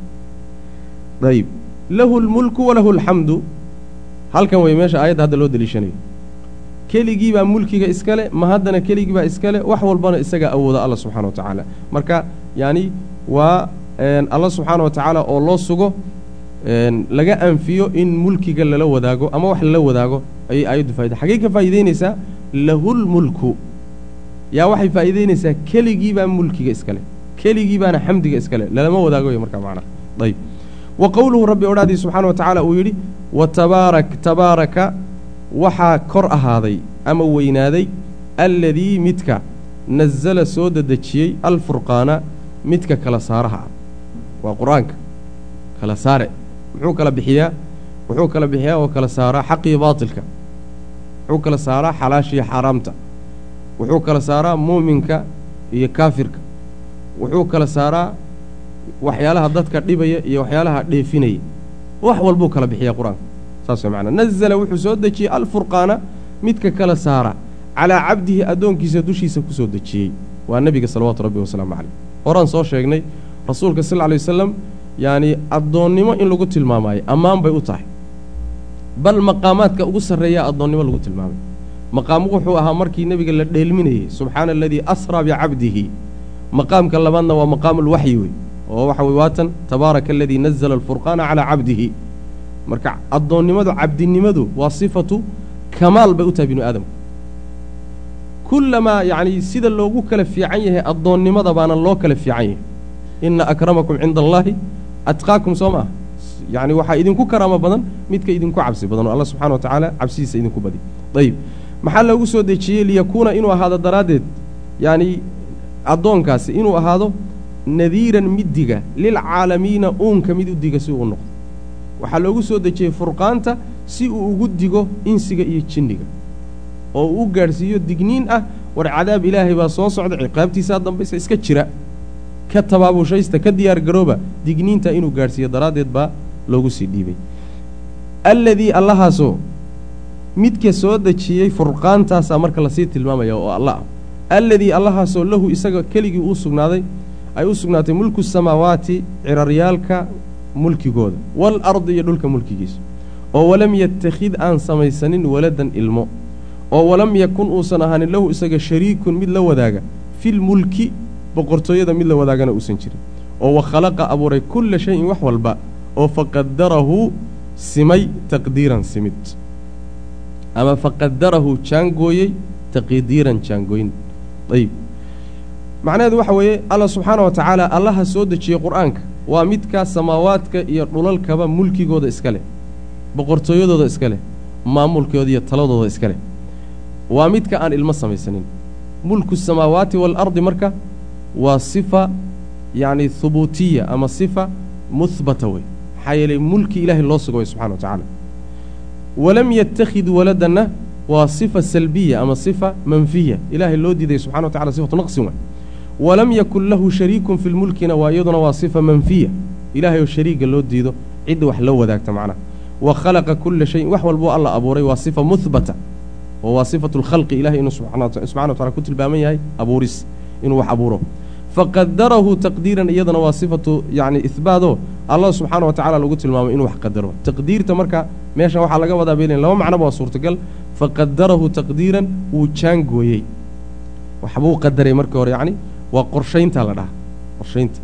Markii hore intuusan abuurka samaynin buu rabbi subxaana wa tacaala wax walba jaangooyoo qadaray. Markaa kadib buu abuurka sameeyey. Macnaha haddii aayadda lagu wado waxay noqonaysaa inay aayaddu sidan hadda ay u kala horraysa aynan ahaynoo faqadarahu taqdiirantaa waxay ka horraysaa khalaqa kulla shayin. A maxaa yeelay jaangooyadu waxay ka jaangooyada horraysa. Markaa kadib baa waxaa timaadda abuuristu markaasay timaaddaa haddii macnaha lagu wado saasay noqonaysaa macna. Macno kalea la odhan karaayo uu sheekh ibnu cuthaymiin rajaxayo faqadarahu waxaa laga wadaa bimacnaa simid. Markuu abuuray kadib uu shay walba sidii uu u rabay inuu abuuru u simay alla subxana wa tacala faqadarahu markaasuu simay taqdiiran simid khalaqa fasawaa oo kale la tahay marka. Khalaqa wuu abuuray fasawaa wuu ekeeyey abuurkii oo wuu simay. Macnahaasina way noqon kartaa. Ayb wa qowluhu rabbi odhaadii subxana wa tacala uu yidhi ma itakhada allahu ilaahay muusan samaysanin min waladin wax ilmo ah. Wax ilmaa ilaahay ma samaysanin. Wamaa kaana ma ahaanin macahu alla la jirankiisa min ilaahin mid la caabudo oo laysu dulleeyo la jirankiisa ma ahaanin. Idan haddii uu ahaan lahaa oo uu jiri lahaa mid kale oo isaga la mida oo la caabudo oo laysu dulleeyo sidiisoo kale sida isaga laysugu dulleeyo o kaleeto. Kaasoo kale hadduu jiri lahaa la dahaba wuu la tegi lahaa. Kullu ilaahin mid kastoo la caabudaayey bimaa khalaqa wuxuu abuuray buu la tegi lahaa. Walacalaa wuuna ka sara maryahay wuu ka adkaan lahaa. Bacduhum qaarkood baa calaa bacdin qaarka kale ka adkaan lahaa subxaana allaahi allaa nasahanow ka hufan camaa yasifuuna waxay tilmaamayaanoo wax la wadaagidda ah. Caalimi alghaybi allihii waxa qarsoonoo dhan ogaa waashahaadati iyo waxa joogaba. Fatacaalaa wuu kor ahaaday camaa shay buu ka sara maray. Yushrikuuna ay la wadaajinayaan alla subxana wa tacala ayb aayaddu waxay diidday ilaahay inuu ilmo leeyahay subxana wa tacala waan soo marnay. Waxaa kaloo diidday ilaah kale oo isaga la mida inuu jirana waa diidday saas macnaha waxay ku diidday laba deliil laba deliil oo caqli ah. Midka koobaadi waxa weeye haddii ilaah kale uu jiri lahaa oo rabbi la awood ah subxana wa tacaala abuurkana la leh oo la wadaaga ilaah walba qaybtii uu abuuray buu qaadan lahaa. Kolleyo kolley yacni laba ilaah oo isku awooda laba baawar laba awoodoodoo jiraayey mar walba ismayna waafaqsanaadeen wey marunba isku dhici lahayn soo ma? Hadday isku dhacaanna war inoo kala marh bay dhihi lahayen adiguna waxaagii aad abuuratay kaxayso aniguna waxaygeen abuurtay baan kaxaysan saas way macnaha idan la dahaba kullu ilaahin bimaa khalaqa wey waxaad arki lahaydeen marka makhluuqan isku habaysan maalinkaad ku soo biirteen ilaa maalinkaa maanta sidii si u dhisan oo lala kala tegey baad arki lahaydeen mid qorraxdii la dhaqaaqay mid dayixii la dhaqaaqay mid samadii la dhaqaaqay mid dhulkii la tegey dhulkii oo la kala goostay waxbaad arki lahaydeen. Ma jiraan wey marka macnaha. Sidii uu u nadaamsanaabaa wixii u nadaamsan yahay. Hal awoodi marka inay maamulayso taasaa lagu garan. Hadda maalan waddankan laba madaxweynoo isku baawara kama talin karaan. Soo saas maa walilaahi almathalu laclaa kama talin karaan laba awoodoodoo siman meella kama talin karaan bal gurigaaga haddii lagu yidhaahdo adiga xaaskaagu isku awood baa tihin gurigu ma dhisnaan karo. Ha berrito alaabtaa la kala qaadani. Hana boorsadeeda iisoo qaada aduguna weelashaada qaada waay. Wixii nin walba wuxuu keensada ha qaato. Marka laba awoodoodoo isku mid ah meel kama wada talin karaan. Macquul maaha macquul maaha taasi waa daliil caqliya oo laynoogu muujinayo inuusan jirin alla kale ilaah kale ma jiro. Daliilka labaadi waxa weeye labadoodu markay isku dhacaan midba midka kale inuu ka adkaado isku dayi lahaa. Laba mid bay noqoni marka markay islaayaan inay labadoodii ay ismari waayaan oy awoodihii sinaadaan oo mid walba uu tabar dhigo oo kii kale inuu ka adkaado uu kari waayo. Taasi waa imaan kartaa nin awood waayey oo cid kale inuu iska celiyo awood u waayey ilaah ma noqon karo. Nin kayrkii ka adkaan waayey ilaah ma noqon karo. Mana la caabudi karo. Ta labaadi waxa weeyaan inay kala adkaadaanoo mid laga adkaado oo midkood uu adkaado. Hadda markaana waxay noqoni uun kii adkaaday ee awoodda badan unbaa ilaahee ka laga adag yahay ilaah ma noqon karo. Ilaahii hal mid unbuu ku soo urursan marka. Soo saas maa walacalaa bacduhum calaa bacdin saas wey macnaha yaani hal mid un wey hadday laba noqon lahayen way islayn lahaayeen way kala adkaan lahayen midbaa midka kale uun ka yani ka xoog badan lahaa wey macnaha saas wey subxaana allahi camaa yasifuuna waxa ilahay ku tilmaamaya waa ka hufan yahayo rabbi subxaana wa tacaala waa ka fog yahay. Allihii waa la sii tilmaama waxaa la yidhi allahaasi waxa idinka qarsoon iyo waxaa joogeed ogtihiin intaba rabbi subxaana wa tacala xoogaal buu u yahay. Fatacaalaa wuu saro maray camaa yushrikuuna waxay la wadaajinayaan ayuu alla ka saro maray subxana wa tacaala shariig inuu wax la wadaago rabbi waa ka sarreeyaa subxana wa tacala waxba lama wadaagi karo makhluuqiisa. Maxaa yeele isagu waa khaaliq iyaguna waa makhluuq. Khaaliq iyo makhluuq wax kama dhexaysiin karti saas sidaas wey macnaha. Waa meel kaga dhac macnaha. Ayib. Marka aayaddu waxay faa'iidaysay yacnii sifada hore oo sifa manfiya ilaahay subxaana wa tacaala sifatu naqsin oo loo diiday inuu ilmay leeyahay waa loo diiday ma jirto. Midda labaad oo ah ilaah la awooda inuu jiro ama ilaah xaq lagu caabudoon isaga ahayn inuu jiro iyadana la anfiyey. Laba daliiloo caqliga lagu anfiyey. Iyo midda saddexaad oo ah in laga anfiyo wax kastooy kuwa aan ilaahay aqoonin ee meel kaga dhacaya ay ku tilmaamayaan. Iyo midda saddexaad oo ah sifatulcilmi oo aynu soo marnay iyada. Cilmigiisu inuu wax walba koobay. Iyo ta kaleeto oo ilaahay in laga anfiyo shariig inuu leeyahay. Inuu mid wax la wadaaga inuu leeyahay macna. Ayib wa qowluu rabbi odhaadii subxana wa tacala uu yidhi falaa tadribuu ha yeelina lilaahi ilaahay ha u yeedhina alamhaala yacni kuwa la mid ah. Maxaa yeelay ina allaha alla yaclamu wuu og yahay. Wa antum idinkuna laa taclamuuna ma ogidin. Macnaha amhaasha waxaa laga wadaa waa jamcu mahiil mid ilaahay la mid ah daatadiisa la mid ah awooddiisa la mida sifaadkiisa la mida asmaadiisa la mida afcaashiisa la mida kuwa noocaasoo kale ha samaynina. Cibaadadiisa kula midoo laga wadaaga. Kaasoo kale ha samaynina bu rabbilahi subxana wa tacala markaasaa waxaa yacnii deliil laynoo siiyey inaysan ilaahay iyo makhluuqiisu isku mid noqon karaynin alla subxaana wa tacaala waxbuu og yahay oo cilmi kaamiluu leeyahay. Idinkuse waxba ma ogidin. Wa antum laa taclamuun. Marka cilmigiinna haddaad xataa cilmi laydinku tilmaamo ama aad sheegataanba ama aad ku tilmaaman tihiin waa cilmi naaqis ah. Waa aqoon kala dhiman waa garasho dhiman. Mid dhammaystiran ma aha macnaha saas weeyaan. Waa mid ay idinku aydaan lahaynoo markii la doono laydinka qaadan karo waydaan milkigeeda lahayn wey macnaha marka yacni cilmigiinnu waa naaqis haddaad leedihiin xataa. Alla subxana wa tacala lakiin cilmiga kaamilkaa isagaa iskale. Ayib marka ilaahay oo laga anfiyo inuu mahiil iyo mid la mida leeyahay bay aayaddu faa'idaynaysaa oo waxaa soo gelaya shariig ilaan aayaadkan ku dhex jirna waxay ka hadlayeen nafyu shariig soo ma? Amhaashaasi bimacnaa shariigna waa soo gelayaan. Saas way macnaha wa qowluhu rabbi odhaadii subxana wa tacala uu yidhi qul waxaad tidhahdaa nebigow innamaa xarama wuu xarimay oo wuu diidey rabbii rabbigay wuxuu diiday alfawaaxisha dembiyada foolfoosha xun kuwa aad u sii waaweyn aad u foolxun way macnaa maalan yaani fawaaxishta inta badan qur'aanka waxay ku soo aroortay zinada iyo liwaadka liwaadka maalan ragga wax iska raadsanaya iyo zinada labadaasaa qur'aanku wuxuu ku tilmaamay fawaaxish marka waa dunuub yaani bini aadamka xataa curfigiisa aad u foolxun saas macnaha marka alla wuu diiday innamaa xarama rabbiya alfawaaxisha kuwa foosha xun buu diiday. Maa dahara wixii muuqda oo minha fawaaxishta ka mid a iyo wamaa batana wixii qarsoonaadaba. Waxaad hoos u samayso oon lagula ogeyn iyo waxaad muujisato intaba rabbi waa diiday subxana wa tacala waalidma dembigana waa diiday noocuu ku yimaadaba. Waalbaqya gardarradana alla waa diiday bikayri xaqin xaqdarro la isku gardarraysto. Albaqyi waxaa la yidhahdaa inaad ilaahay addoommadiisa aad ku gardarrooto. Weliba xaqdarro aad ugu gardarrooto. Adoon xaq ku lahayn. Xoolahooda ku gardarrooto dhiiggooda ku gardarrooto naftooda cirdigooda ku gardarooto yacni gardarradaa ilahay waa diiday subxana wa tacala wa an tushrikuu buu alla diidoo xarrimay. Inaad la wadaajisaan billaahi ilaahay maa shay inaad la wadaajisaan oo wax ugu dartaan lam yunazil uusan soo dejinin bihi isaga sultaanan wax xujaa uusan u soo dejin. Wax makhluuqiisa ka mid a oo inuu ilaahay wax la wadaago uusan xagga ilaahay xuja uga imaanin. Wax xujo oo kutusaysa ayna jirin xagga ilaahay ka timid. Inuu alle wax la wadaago kaasoo kale inaad ilaahay wax la wadaajisaan ood wax ugu dartaanna alla wuu xarimay subxana wa tacala iyadana wuu diiday. Saas macnaa maa lam yunazil bihi suldaananta lagama fahmayo.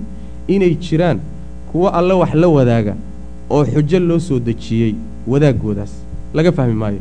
Ee waxaa laga wadaa uun waxaa la yidhahdaa sifa kaashifa la yidhahda luqada carabiga sifa kaashifa. Macnaha waxay sii caddaynaysaa uun wax kastoo ilaahay kayrkii la caabudayo ama ilaahay wax lala wadaajinayo makhluuqiisa ka midi inaan loo haysanin wax xujo ah oo lagu caabudo. Ama ilaahay wax lagula wadaajiyo wax loogu daro. Saas xujo ma leh. Wa an tushrikuu inaad la wadaajisaan billaahi ilaahay maa shay inaad wax ugu dartaan ood la wadaajisaan lam yunazil uusan soo dejinin bihi isaga sultaanan wax xujo ah wa an taquuluu inaad tidhaahdaanna alla wuu xarimay. Cala allaahi alla dushiisa maa laa taclamuuna waxaydan garanayn yacni waa dunuubtii waaweynayd wey.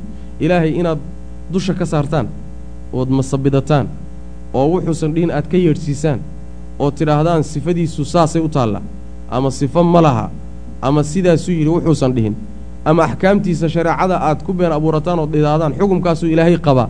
Waxaas uu xalaaleeyey waxaas uu xaaraameeyey idinkoo aan wax xujaa u haysanin taana ilahay waa xarimay subxana wa tacala saas way maanaa yacni daatadiisa ama asmaadiisa ama sifaadkiisa ama axkaamtiisa intaba axkaamta sharciga lama ogola in rabbi subxaana wa tacaala aad iska tidhaahdo oo wuxuusan odhanin aad dusha ka saarto alla subxana wa tacala saas way maana been abuuradka way. Dayib. Wuxuu ibnu qayim yidhi dunuubtani say u kala waawan yihiin bay aayaddu u tartiibisay. Dembiga ugu weyn bay ugu dembeysiisay buu leeyay saasuu le macnaha yacni fawaaxishtu ismiga iyo baqiga iyo way ka yartahay buu leeyay shirkigaa iyadana ka sii weyn shirkigana waxaa ka sii weyn been abuurad ilahi lagu been abuurtay subxana wa tacala marka waa acdamu dunuub buu leeyahy ibnulqayim aayaddu qaabkaasuu macnaha u sheegaya inay u tartiibisay maxalushaahidku hadda waxa weeyaan meeshaan hadda ka deliishanayno oo aayadda loo keenay sifada ah nafyu shariiki can illaahi tabaaraka wa tacala wa an tushrikuu billaahi maa lam yunazil bihi sulطaana midaasay macnaha ifaa'idaynaysa ayib wa qowluhu rabbi odhaadii subxana wa tacala uu yidhi alraxmaanu cala carshi istawaa halkan wuxuu ka gudagalay sifo intaa wuxuu kaga soo baxay horta nafyu shariiki walmathiili can illaahi tabaaraka wa tacaala sifada sifadaa manfiyada ah ayuu halkaa kaga soo baxay aayaadkii ku tusayey halkan wuxuu ka gudagelayaa sifo iyaduna ilaahay sifaadkiisa ka midoo ekaanshihiisa uu carshiga ku ekaaday. Inuu carshigiisa ku ekaaday ka saramaray yaani middaa iyadaa aayaad ku soo arooray buu hadda meeshan ka gelaya ayib wa qowluhu alla odhaadii subxaana wa tacaala uu yidhi alraxmaanu allaha naxariista badani cala alcarshi carshiga dushiisa ayuu istawaa ku ekaaday. Carshigu waa makhluuqaadka ilaahay subxaana wa tacaala ka ugu weyn wey inta la og yahay waana saanqaafka makhluuqaadka.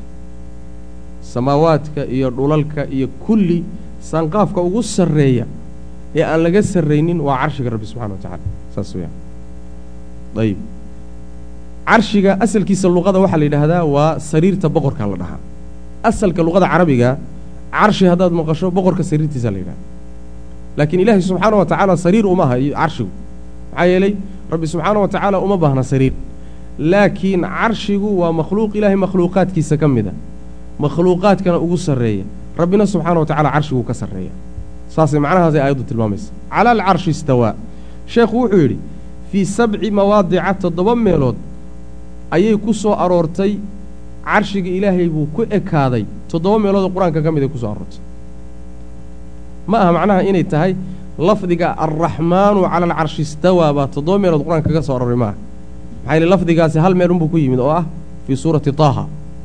Laakiin waxaa ku soo arooray toddoba meelood alle oo lagu tilmaamayo inuu carshiga ku ekaaday inuu carshiga ka sara maray toddoba meelood bay ku soo aroortay. Waa toddobadii meelood buu sheekh inoo tirinaya midda koowaadi waxa weeye fii suurati alacraaf qowluhu ilahay odhaadiisa uu yihi subxana wa tacala ina rabbakum rabbigiin allaahu alla wey alladii midkaasoo khalaqa abuuray alsamaawaati ciraryaalka iyo waalarda dhulka fii sittati ayaamin lix maalmood dhexdood buu ku abuuray ciraryaalka iyo dhulalkaba iyo inta udhexaysaba uma kadibna istawaa wuu saro maray cala alcarshi carshigu ka saro maray alla subxana wa tacala waa aayadda koobaad carshigiisuu ka saro maray wa qaala rabbi wuxuu yidhi subxaana wa tacaala fii suurati yuunus calayhi salaam suuratu yuunus wuxuu iyadana ku yidhi aayaddii labaad ina rabbakum rabbigiin allaahu alla weeye alladii midkaasoo khalaqa abuuray alsamaawaati ciraryaalka iyo waalarda dhulka fii sittati ayaamin lix beri dhexdood uma kadibna istawaa wuu ekaaday cala alcarshi carshigiisuu ku ekaado ka sara maray. Waa aayaddii labaad. Waa isku macno. Ayb aayadda saddexaadi waxa weye fii suurati aracd alla wuxuu yidhi subxaana wa tacaala allaahu alle alladii midka weye rafaca kor yeelay alsamaawaati ciraryaalka bikayri camadin tiir la'aan tarawnahaa xaalaad arkaysaan inay tiir la'aan tahay. Yacnii samaawaadkan dhisan ee taagan ee aad u sarreeya wax tiiroy ku taagan yihiin ma jiro. Waanan aragnaa inaysan tiirba lahayn tarawnahaa xaala aad arkaysaan way macnaha uma kadibna istawaa wuu ekaaday alla subxaana wa tacaala cala alcarshi carshiga dushiisuu ku ekaadoo ka sara maray. Aayadda saddexaad fii suurati afraad baan dhihi laha fii suurati daha bay ku soo aroortayoo alraxmaanu allaha naxariista badani cala alcarshi carshiga dushiisa ayuu istawaa ka sara maray. Aayadda afraad wey aayadda shanaadi waxa weye fii suurati furqaan bay ku soo aroortay uma istawaa kadibna alla wuu ekaaday. Cala alcarshi carshiga dushiisuu ku ekaado ka sara maray. Aayadda lixaad miya aayadda lixaad. Waxay ku soo aroortay fii suurati aliflaamiim asajda aliflaamiim assajda. Ayay ku soo aroortay oo waxa weeyaan allaahu alle alladii midka weye khalaqa abuuray alsamaawaati ciraryaalka iyo waalarda dhulka iyo wamaa baynahumaa inta udhexaysaba fii sittati ayaamin lix beri dhexdood buu ku abuuray. Lixda beri macnaha laba beri samaawaadka saraa lagu abuuray. Afar berina waxaa lagu abuuray dhulka iyo inta ku dhex nool. Fii suurati fusilad buu alla ku faahfaahiyey subxana wa tacala oo saa ugu kala dhigdhigay. Ayib wamaa baynahumaa iyo inta udhexaysa fii sittati ayaamin lix beri dhexdood buu ku abuuray. Uma kadibna istawaa wuu ekaado wuu ka sara maray cala alcarshi carshiga dushiisuu ka sara ayib wa qaala rabbi wuxuu ihi fii suurati alxadiid waa aayaddii ugu dambaysay toddobaad wey huwa alle alladii midka way khalaqa abuuray alsamaawaati ciraryaalka iyo waalarda dhulkaba fii sittati ayaamin lix beri gudahood uma kadibna istawaa wuu ka sara maray cala alcarshi carshiguu ka sara maray u fiirsada toddobada meeloodba istawaa baa ku soo aroortay istiwaaha luqada carabiga marka loola laabto waxaa la yidhahdaa bimacnaa alculuwu waalirtifaacu waalistiqraar inta waa la yidhahdaa sarrayn yacni ka saramarid iyo ku ekaansho. intaa waa loo isticmaalaa macnaha dayib sifadan ah sifatu listiwaa qur'aanka ayaa ku tusay qur'aanka aayadaha toddobada abuu kugu tusay istiwaaha kelimada la yidhaahdo saan sheegnay markay macnaha ku tusayso wuu ka sara maray ah waa marka xarafka lagu gudbiyee ka dambeeya uu noqdo calaa calaa istawaa calaa kadaa marka la yidhaahdo bay markaa noqotaa ka saramarid. Litastawuu calaa duhuurihi uma tadkuruu nicmata rabbikum waatii aayadda ahayd. Gaadiidka markaad fuulaysaan inaad dushiisa aad ka sara noqotaan. Markaa kadibna aad nicmada ilaahay xusuusataan oo tidhaahdaan subxaana aladii sakhara lana haada wamaa kunna lahu muqriniin. Saas way macnaa. Marka waxaa ka mid a maalan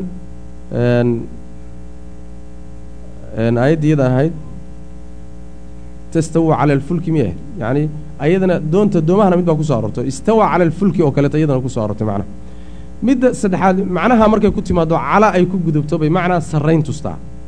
Marna waxay ku timaadaa istawa oo aan wax xarafoo ka dambeeya uusan jirin. Walammaa balaga ashuddahu wastawaa soo ma? Dhammaystiran bay markaa faa'iidaysaa istawaa wuu dhammaystirmay baa lagu fasiraa marna waxaa ka dambeeya xarafka ilaa ah oo waxay noqotaa uma istawaa ila asamaa'i markaasoo kaleeto bimacnaa qasada baa loo isticmaalaa. Istawaa wuu u qastay ila samaa'i samadu u qastay. Macnaha waa loo isticmaalaa. Culimmada qaar ka mida tafsiirkuna waxay leeyihiin xataa markay ilaah ku gudubto bimacnaa saramarid baa laga wadaa iyadana oo calaada iyo ilaada isku macnay ka dhigayaan sida imaamulmufasiriin ibnu jariir tabari oo kaleeto macnaha ayb istiwaaha ilaahay subxaana wa tacaala marka uu samada ka yani carshiga uu ka sara maray yacni macnaheeda intaa un in lagu daayo wey waa tii imaamu maalig la weydiiyey oo la yidhi kayfa alistiwaa? Waa kii ku jawaabay istiwaaha waa la yaqaanaa luqada carabiga waa lagu yaqaanaa. Kayfiyadiisi iyo qaabkuu u yaallana ma la garanayo. Ilaahay baa khaas laha subxana wa tacala nalooma sheegin nalooma sheegin midda saddexaad wuxuu yidhi in la rumeeyo ilaahay inuu carshigiisa ka sarreeyana waa waajib. In su'aal layska weydiiyo la sii dabagalana iyaduna waa bidca buu yidhi imaamu maalik caleyhi raxmat ullah marka miisaanku waa nooca. Qaab ilaahay ugu qalma subxaana wa tacaala buu yuu istiwuhu u yaallaa. Haddaad tidhaahdo carshiguu ku fadhiyaa waa kufri. Sidaan ugu fadhiya yuu ugu fadhiyaa waa kufri haddaad tidhahdo ilaahay carshigiisa kama sarreeya meel walbuu joogaana ayaduna waa halis. Inay gaalnimo gaadhisa waa suurtagal. Allah carshiga inuu ka sarreeyuu sheegtay oo rasuulkiisa u sheegay sal lla alay wasalam innaguna waa inaan saa u qirno wey macana inaan saa u ogolaano wey ayb ijmaaca selafka selafka saxaabadii nebiga sal lla wasalam iyo ardadoodii taabiciinta ahaa iyo a'immadii weynaa a'immadii waaweynaa imaam maalik iyo abu xaniifa iyo shaafici iyo imaamu axmed iyo kulligood sidaasay ku tageen istiwaha in sidiisa loo daayo. In sidaa loo daayay kulligood wada mareen. Marka ijmaacii selafku saasuu ku tegey. Waxaa kaloo iyadana ku tusaysa fitrada bini aadamka qalbigiisa ilaahay ku abuurayna waxay kutusaysaa ilahay inuu sarreeyo subxana wa tacaala alla inuu sarreeyo fitrada bini aadamka kutusaysa nin la odhan jiray abulmacaali aljuwayni oo ka mid ahaa culimmadii mutakalimiinta ahayoo aad falsafada iyo cilmulkalaamka ugu xeel dheeraaday. Baa maalin maalmaha ka mida wuxuu ka hadlayay istiwaha wuxuu marka falsafaynayey inuusan ilaahay carshigiisa ku ekaanine meel walba inuu joogo. Ama uu jiro meel la'aan. Falsafad noocaas oo kale u akhriyahay.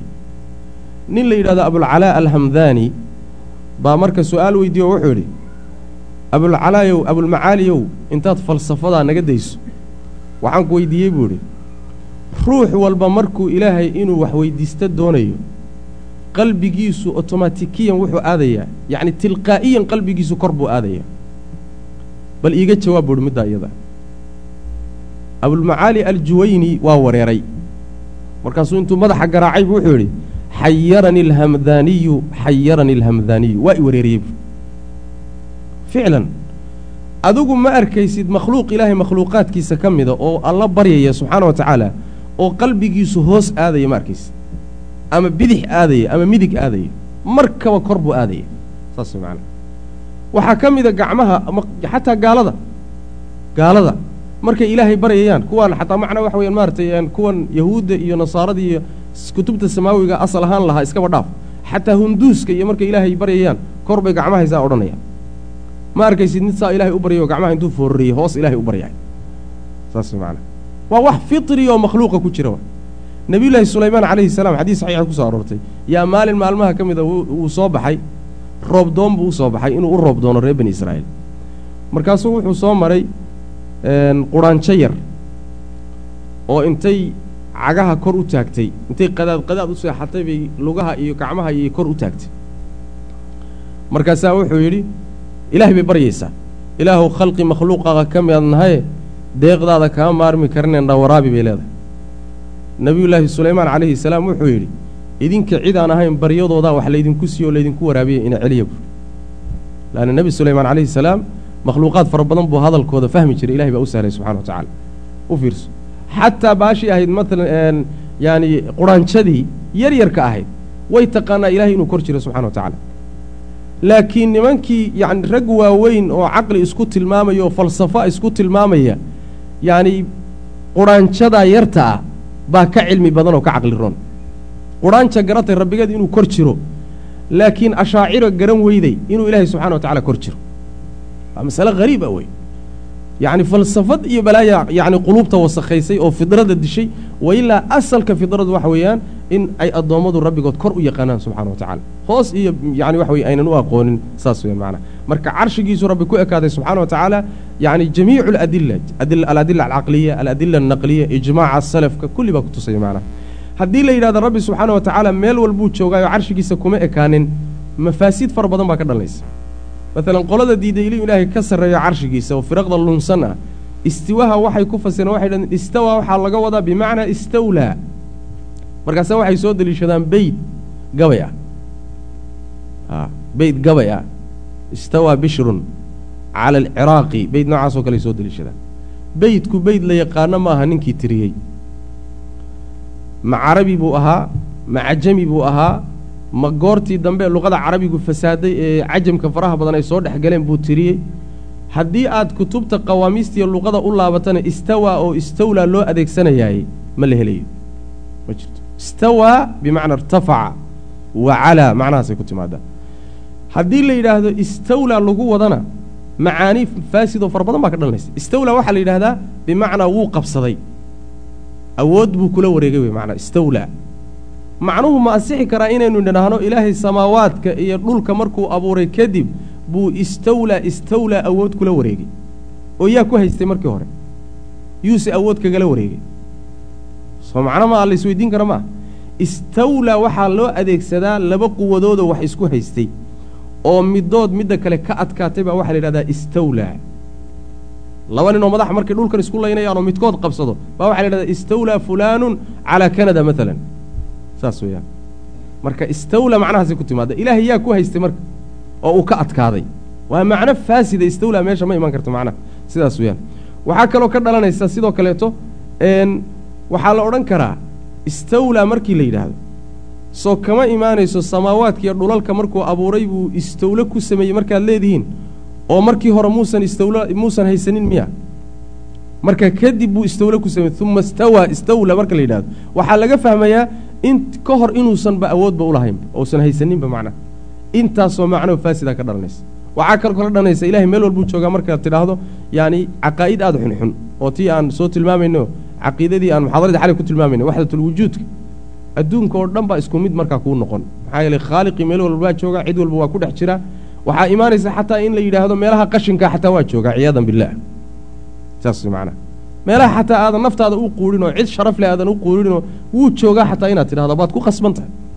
Marka waa lawaasim faasida waa baatil wax jira maaha meeshii marka shareecadu ay ku xidhay oo qur'aankiiyo sunnadu ay ku xidheen in lagu xidho wey macnaa. Ijmaaca salafkuna ay ku xidheenoo ilaahay carshigiisuu ka sarreeya. Maxaa ceeba ku jira?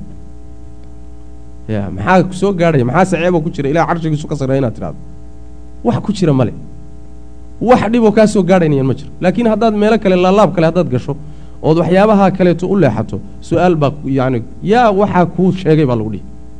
Ma ilaahay baa ka maqashay? Ma rasuulkiisaad ka maqashay? Xageed ka maqashay? Ma haysid wax xujaa marka abulmacaali baa ii sheegay iyo fakhruraazi baa ii sheegay iyo abubakar albaaqilaani baa ii sheegay iyo abulxasan alashcari baan ka hayaa iyo ma xujay kuu noqoni berrito xujo maa xujadu waa qowl allah wa qowl rasuuli sal alay waslam marka qur'aanku intaasoo meelooda uu soo celiyey istawaa cala alcarshi unbuu kaga baxay. Istawaa cala alcarshi baynu naguna kaga bixi ilaahay subxana wa tacaala carshigiisuu kaga sarreeyaa. Horaynu u soo marnay ilaahay subxana wa tacaala ninna kama yaqaano naftiisa subxaanah. Ayib taana waxa weeyaan waa lafdigii istiwaha rabbi subxaana wa tacaala uu carshigiisa ka kor noqday. Sifadii wey halkan wuxuu ka gelayaa sifada iyadana sifatu culuwi illaahi calaa makhluuqaatihi. Tani sarraynta ilaahay uu makhluuqiisa ka sarreeyo. Tii hore waxay ahayd carshigu ka sara maray. Tanna waxa weeyaan makhluuqiisa waa ka sarreeya waa ka baxsan yahay kuma dhex jiro. Dayib qur'aanku ilaa dhowr siyaabood dhowr qaab oo kala gedisan buu ilaahay inuu sarreeyo yuu qur'aanku ku muujiyey dayib waxaa ka mid a maalan lafdu alculuwi buu ku soo arooray wa huwa alcaliyu alcadiim. Waxaa ku soo arooray lafdu alfawqiya fawqa cibaadihi wa huwa alqaahiru fawqa cibaadihi. Waa sarrayn. Waxaa laga cabiray wixii xagga ilaahay ka imaanaya waxau qur'aanku u isticmaalaa soo degid. Saas macanaha wixii xagga rabbi ka imaanayay wuu soo degay baa loo isticmaalaa. Wixii xaggiisa aadayana waxaa loo isticmaalaa wuu fuulay oo kor buu aaday. Qaabo fara badan ayuu qur'aanku kuu tusay rabbi inuu sarreeyo subxana wa tacala oo hal qaab keliya ahayn. Waa ka marka. Wa qowluu ilahay odhaadii subxana wa tacala baa ka mid a jumalkii sifaadkii asmaada ku tusayay in la rumeeyo ay waajibka ahayd. Waxaa ka mid a qowluu ilahay odhaadii subxana wa tacala uu yidhi yaa ciisa ciisow innii anigu mutawafiika midku hurdaysiinaya ayaan ahay wa raaficuka midku kor yeelayaan ahay ilaya aniga xaggaygan kuu kor yeelaya. Mutawafiika waxaa laga wadaa yacni waan ku seexin. Waan ku seexin maxaa yeelay wafaadka luqada carabiga ah laba u qaysamo alwafaatu alkubraa walwafaatu asuqraa geeri yar iyo geeri weyn bay kala tahay. Geerida yar luqada carabiga waxaa loo isticmaalaa hurdada. Allahu yatawafa alanfusa xiina mowtiha walatii lam tamut fii manaamiha fayumsiku alatii qadaa calayha almowt marka hurdada wafaad baa la yidhahdaa nabiyullaahi ciisa calayhi salaam marka aayaddan waxaa laga wadaa innii mutawafiika anaa ku seexinay. Yacni waa la seexiyey. Markuu seexday kadib ayaa waraaficuka midku kor yeelayaanahay ilaya xaggigan kuu kor yeelaya waa meelaha ay qolyahan yani mustashriqiinta ah ee yacni la yidhaahdo waa munasiriin caqiidada nasaarada iyo dadka ugu yeedha. Meelahay cuskadaan bay ka mid tahay. Waxyaalahay qabaan waxaa ka mid a maalan in nebi ciise la dilay soo ma nebi ciise in la dilay allah subxana wa tacala wuxuu ley lama dilin. Ciise lama dilin. Dayib qur'aankayba ku jirtaa baa lagu dhihi in ciise la dilay. Oo aawey yaa ciisa inii mutawafiika wafaadka maxaa la yidhaahdaa? Soo dhimasho maa wa raaficuka markii la dilay kadib baa kor loo sii qaaday. Marka waa inaad fahansan tahay mutawafiika inay ku timaado hurdada tii hurdada ahayd baa laga wadaa isagoo nool laakiin hurda baa nebiyullaahi ciisa ilahay kor u sii qaaday subxana wa tacaala. Dilkii yahuuddu ay la damacdayna rabbi ka badbaadiyey subxana wa tacala saas isagoo nool buu samada so ka joogaa siduu rasuulku inoo shegay sal lla waslam aakhiru zamaankana wuu soo degi doonaa oo dajaal buu dili doonaa. Ayb wa ilaya maxalushaahidku marka waxa weeye wa raaficuka midku kor yeelayaan ahay ilaya xaggaygan kuu kor yeeli doonaa. Nebi ciise calayhi salaam xagga ilaahay markuu aaday lama dhihin xaggaygan kuu dejini ilaahay hadduu hoos jiro maxaa loo isticmaali lahaa? Waxaa la isticmaali lahaa xaggaygan kuu soo dejini. Waxaa la isticmaalay xaggaygan kuu koryeeli. Kor baa loo sii qaaday. Maxaa ilahay baa kor jira subxana wa tacala saas weeyaan. Ayb bal rafacahu llaahu rabbi baa kor yeelay. Bal waxay macnaha ku xidhnayd wamaa qataluuhu yaqiinan. Yaqiin ahaan hubaal ahaan mayna u diilin. Nebi ciise bal inay dilaan inay dileen iskaba dhaafeen rafacahu llahu ilaahay baa kor u qaaday ilayhi isaga xaggiisu kor ugu qaado. Tii horay la mid tahay macnaha waa sifatu rafci xagga ilaahay loo sii qaado. Wixii ilaahay xagga ilaahay loo sii qaadayo maadaama koryeelid laga cabiray inuu kor jiraa laga qaadanaya aayaddu tilmaamaysa macnaha alla subxana wa tacala inuu kor jiro.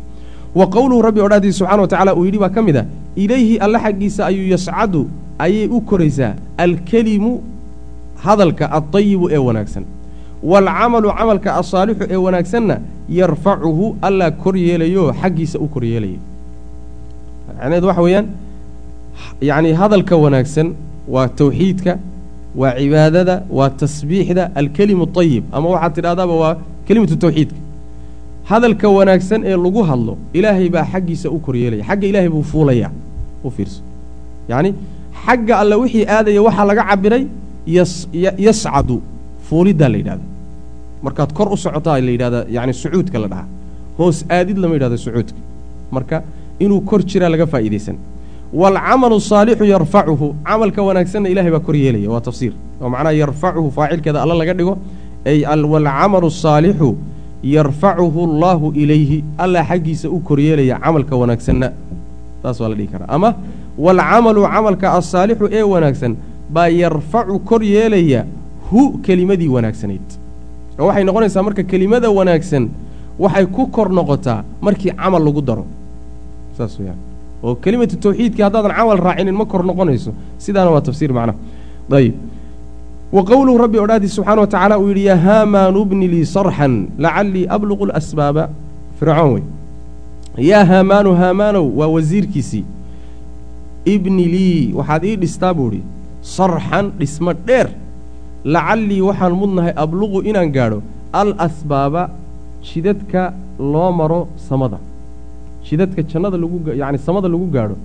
In aan gaadho ayaan mudnahaye ii dhis buu dhismo dheer.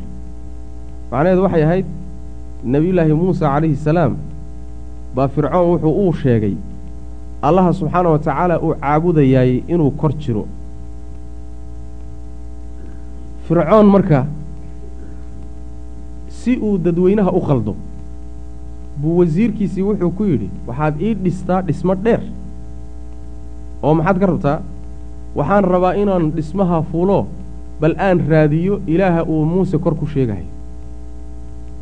Saas way macnaha yacni taqriiban wuu ogaa inuu alle jiro ka awood badan isaga isaguna usan ilaah ahayn.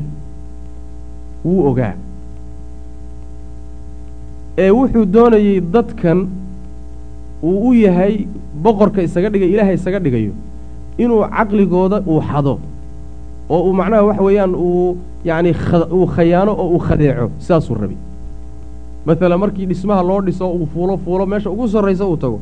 Intuu soo dego inuu yidhahdo ilaahay muuse waan soo waayey waxba kama jiro. Saasuu rabaa. Dad masaakiin oo wuxuu yidhaahdaba iska rumaysanaya meesha waa ku haystaa. Taasuu doonaya marka inuu sameeyo. Marka wuxuu leeyahy dhismo dheer ii dhis bal samada aan ka war doono ilaah uu ku sheegaya muuse macnaha aan soo arkay macnaha saasuu leeyay waa kibir. Marka yaa haamaanu bni lii sarxan macnaha aayadda meesha laga deliishanayo waxa weeye? Haa. Yaa haamaanu bni lii sarxan waxaad ii dhistaa dhismo dheer. Lacallii abluqu lasbaaba yacni waxaan mudnahay inaan jidadka samada gaadhe. Asbaaba samaawaati samaawaadka cirarka. Ha samaawaadka. Inaan yacni jidadkooda gaadho oo fa adalica marka aan soo daalacdo ilaa ilaahi muusa muuse ilaahiisa aan soo daalacde wa innii aniguna la adunnuhu waxaban u malayn kaadiban inuu beenaalo yahay. Waxay ila tahay kollay run ma sheegahaye laakiin kaadi badna waa loo gogolbadiyaa wey macnaha bal aan soo hubsadee ii dhisbu dhismaha ii samee. Saas weyaan bal aan soo xaqiijiye saas weyaan marka wuu og yahay inuu beenaalo yahay. Maxaa yeelay yacni wajaxaduu biha wastayqanathaa anfusuhum dulman wa culuwan bu alla yidhi subxana wa tacala yaqiin ahaan way uu ogaa fircoon inuu ilaahi jiro subxana wa tacaala laakiin wuu isdiidsiinayey. Wuu isdiidsiinayey macnaha kibir iyo isla weynan buu sidan u leyahy macnaha maxalushaahidku marka waxa weeye nebiyullaahi muusa calayhi salaam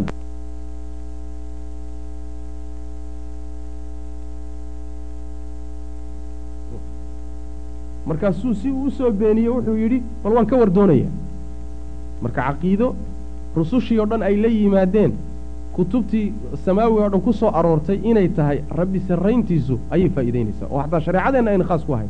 maxaa yeelay rusushoo dhan rabbi subxaanahu wa tacaala meeshuu jiro iyo addoommadiisa inuu ka baxsan yahay inuu kor jiro rusushoo dhan mabda iyo caqiide ay la yimaadeen bay ahayd macna. saas weyaan wa qowluu rabbi odhaadii subxaana wa tacaala uu yidhi a aamintum maka aamin ma aamin baad ka tihiin?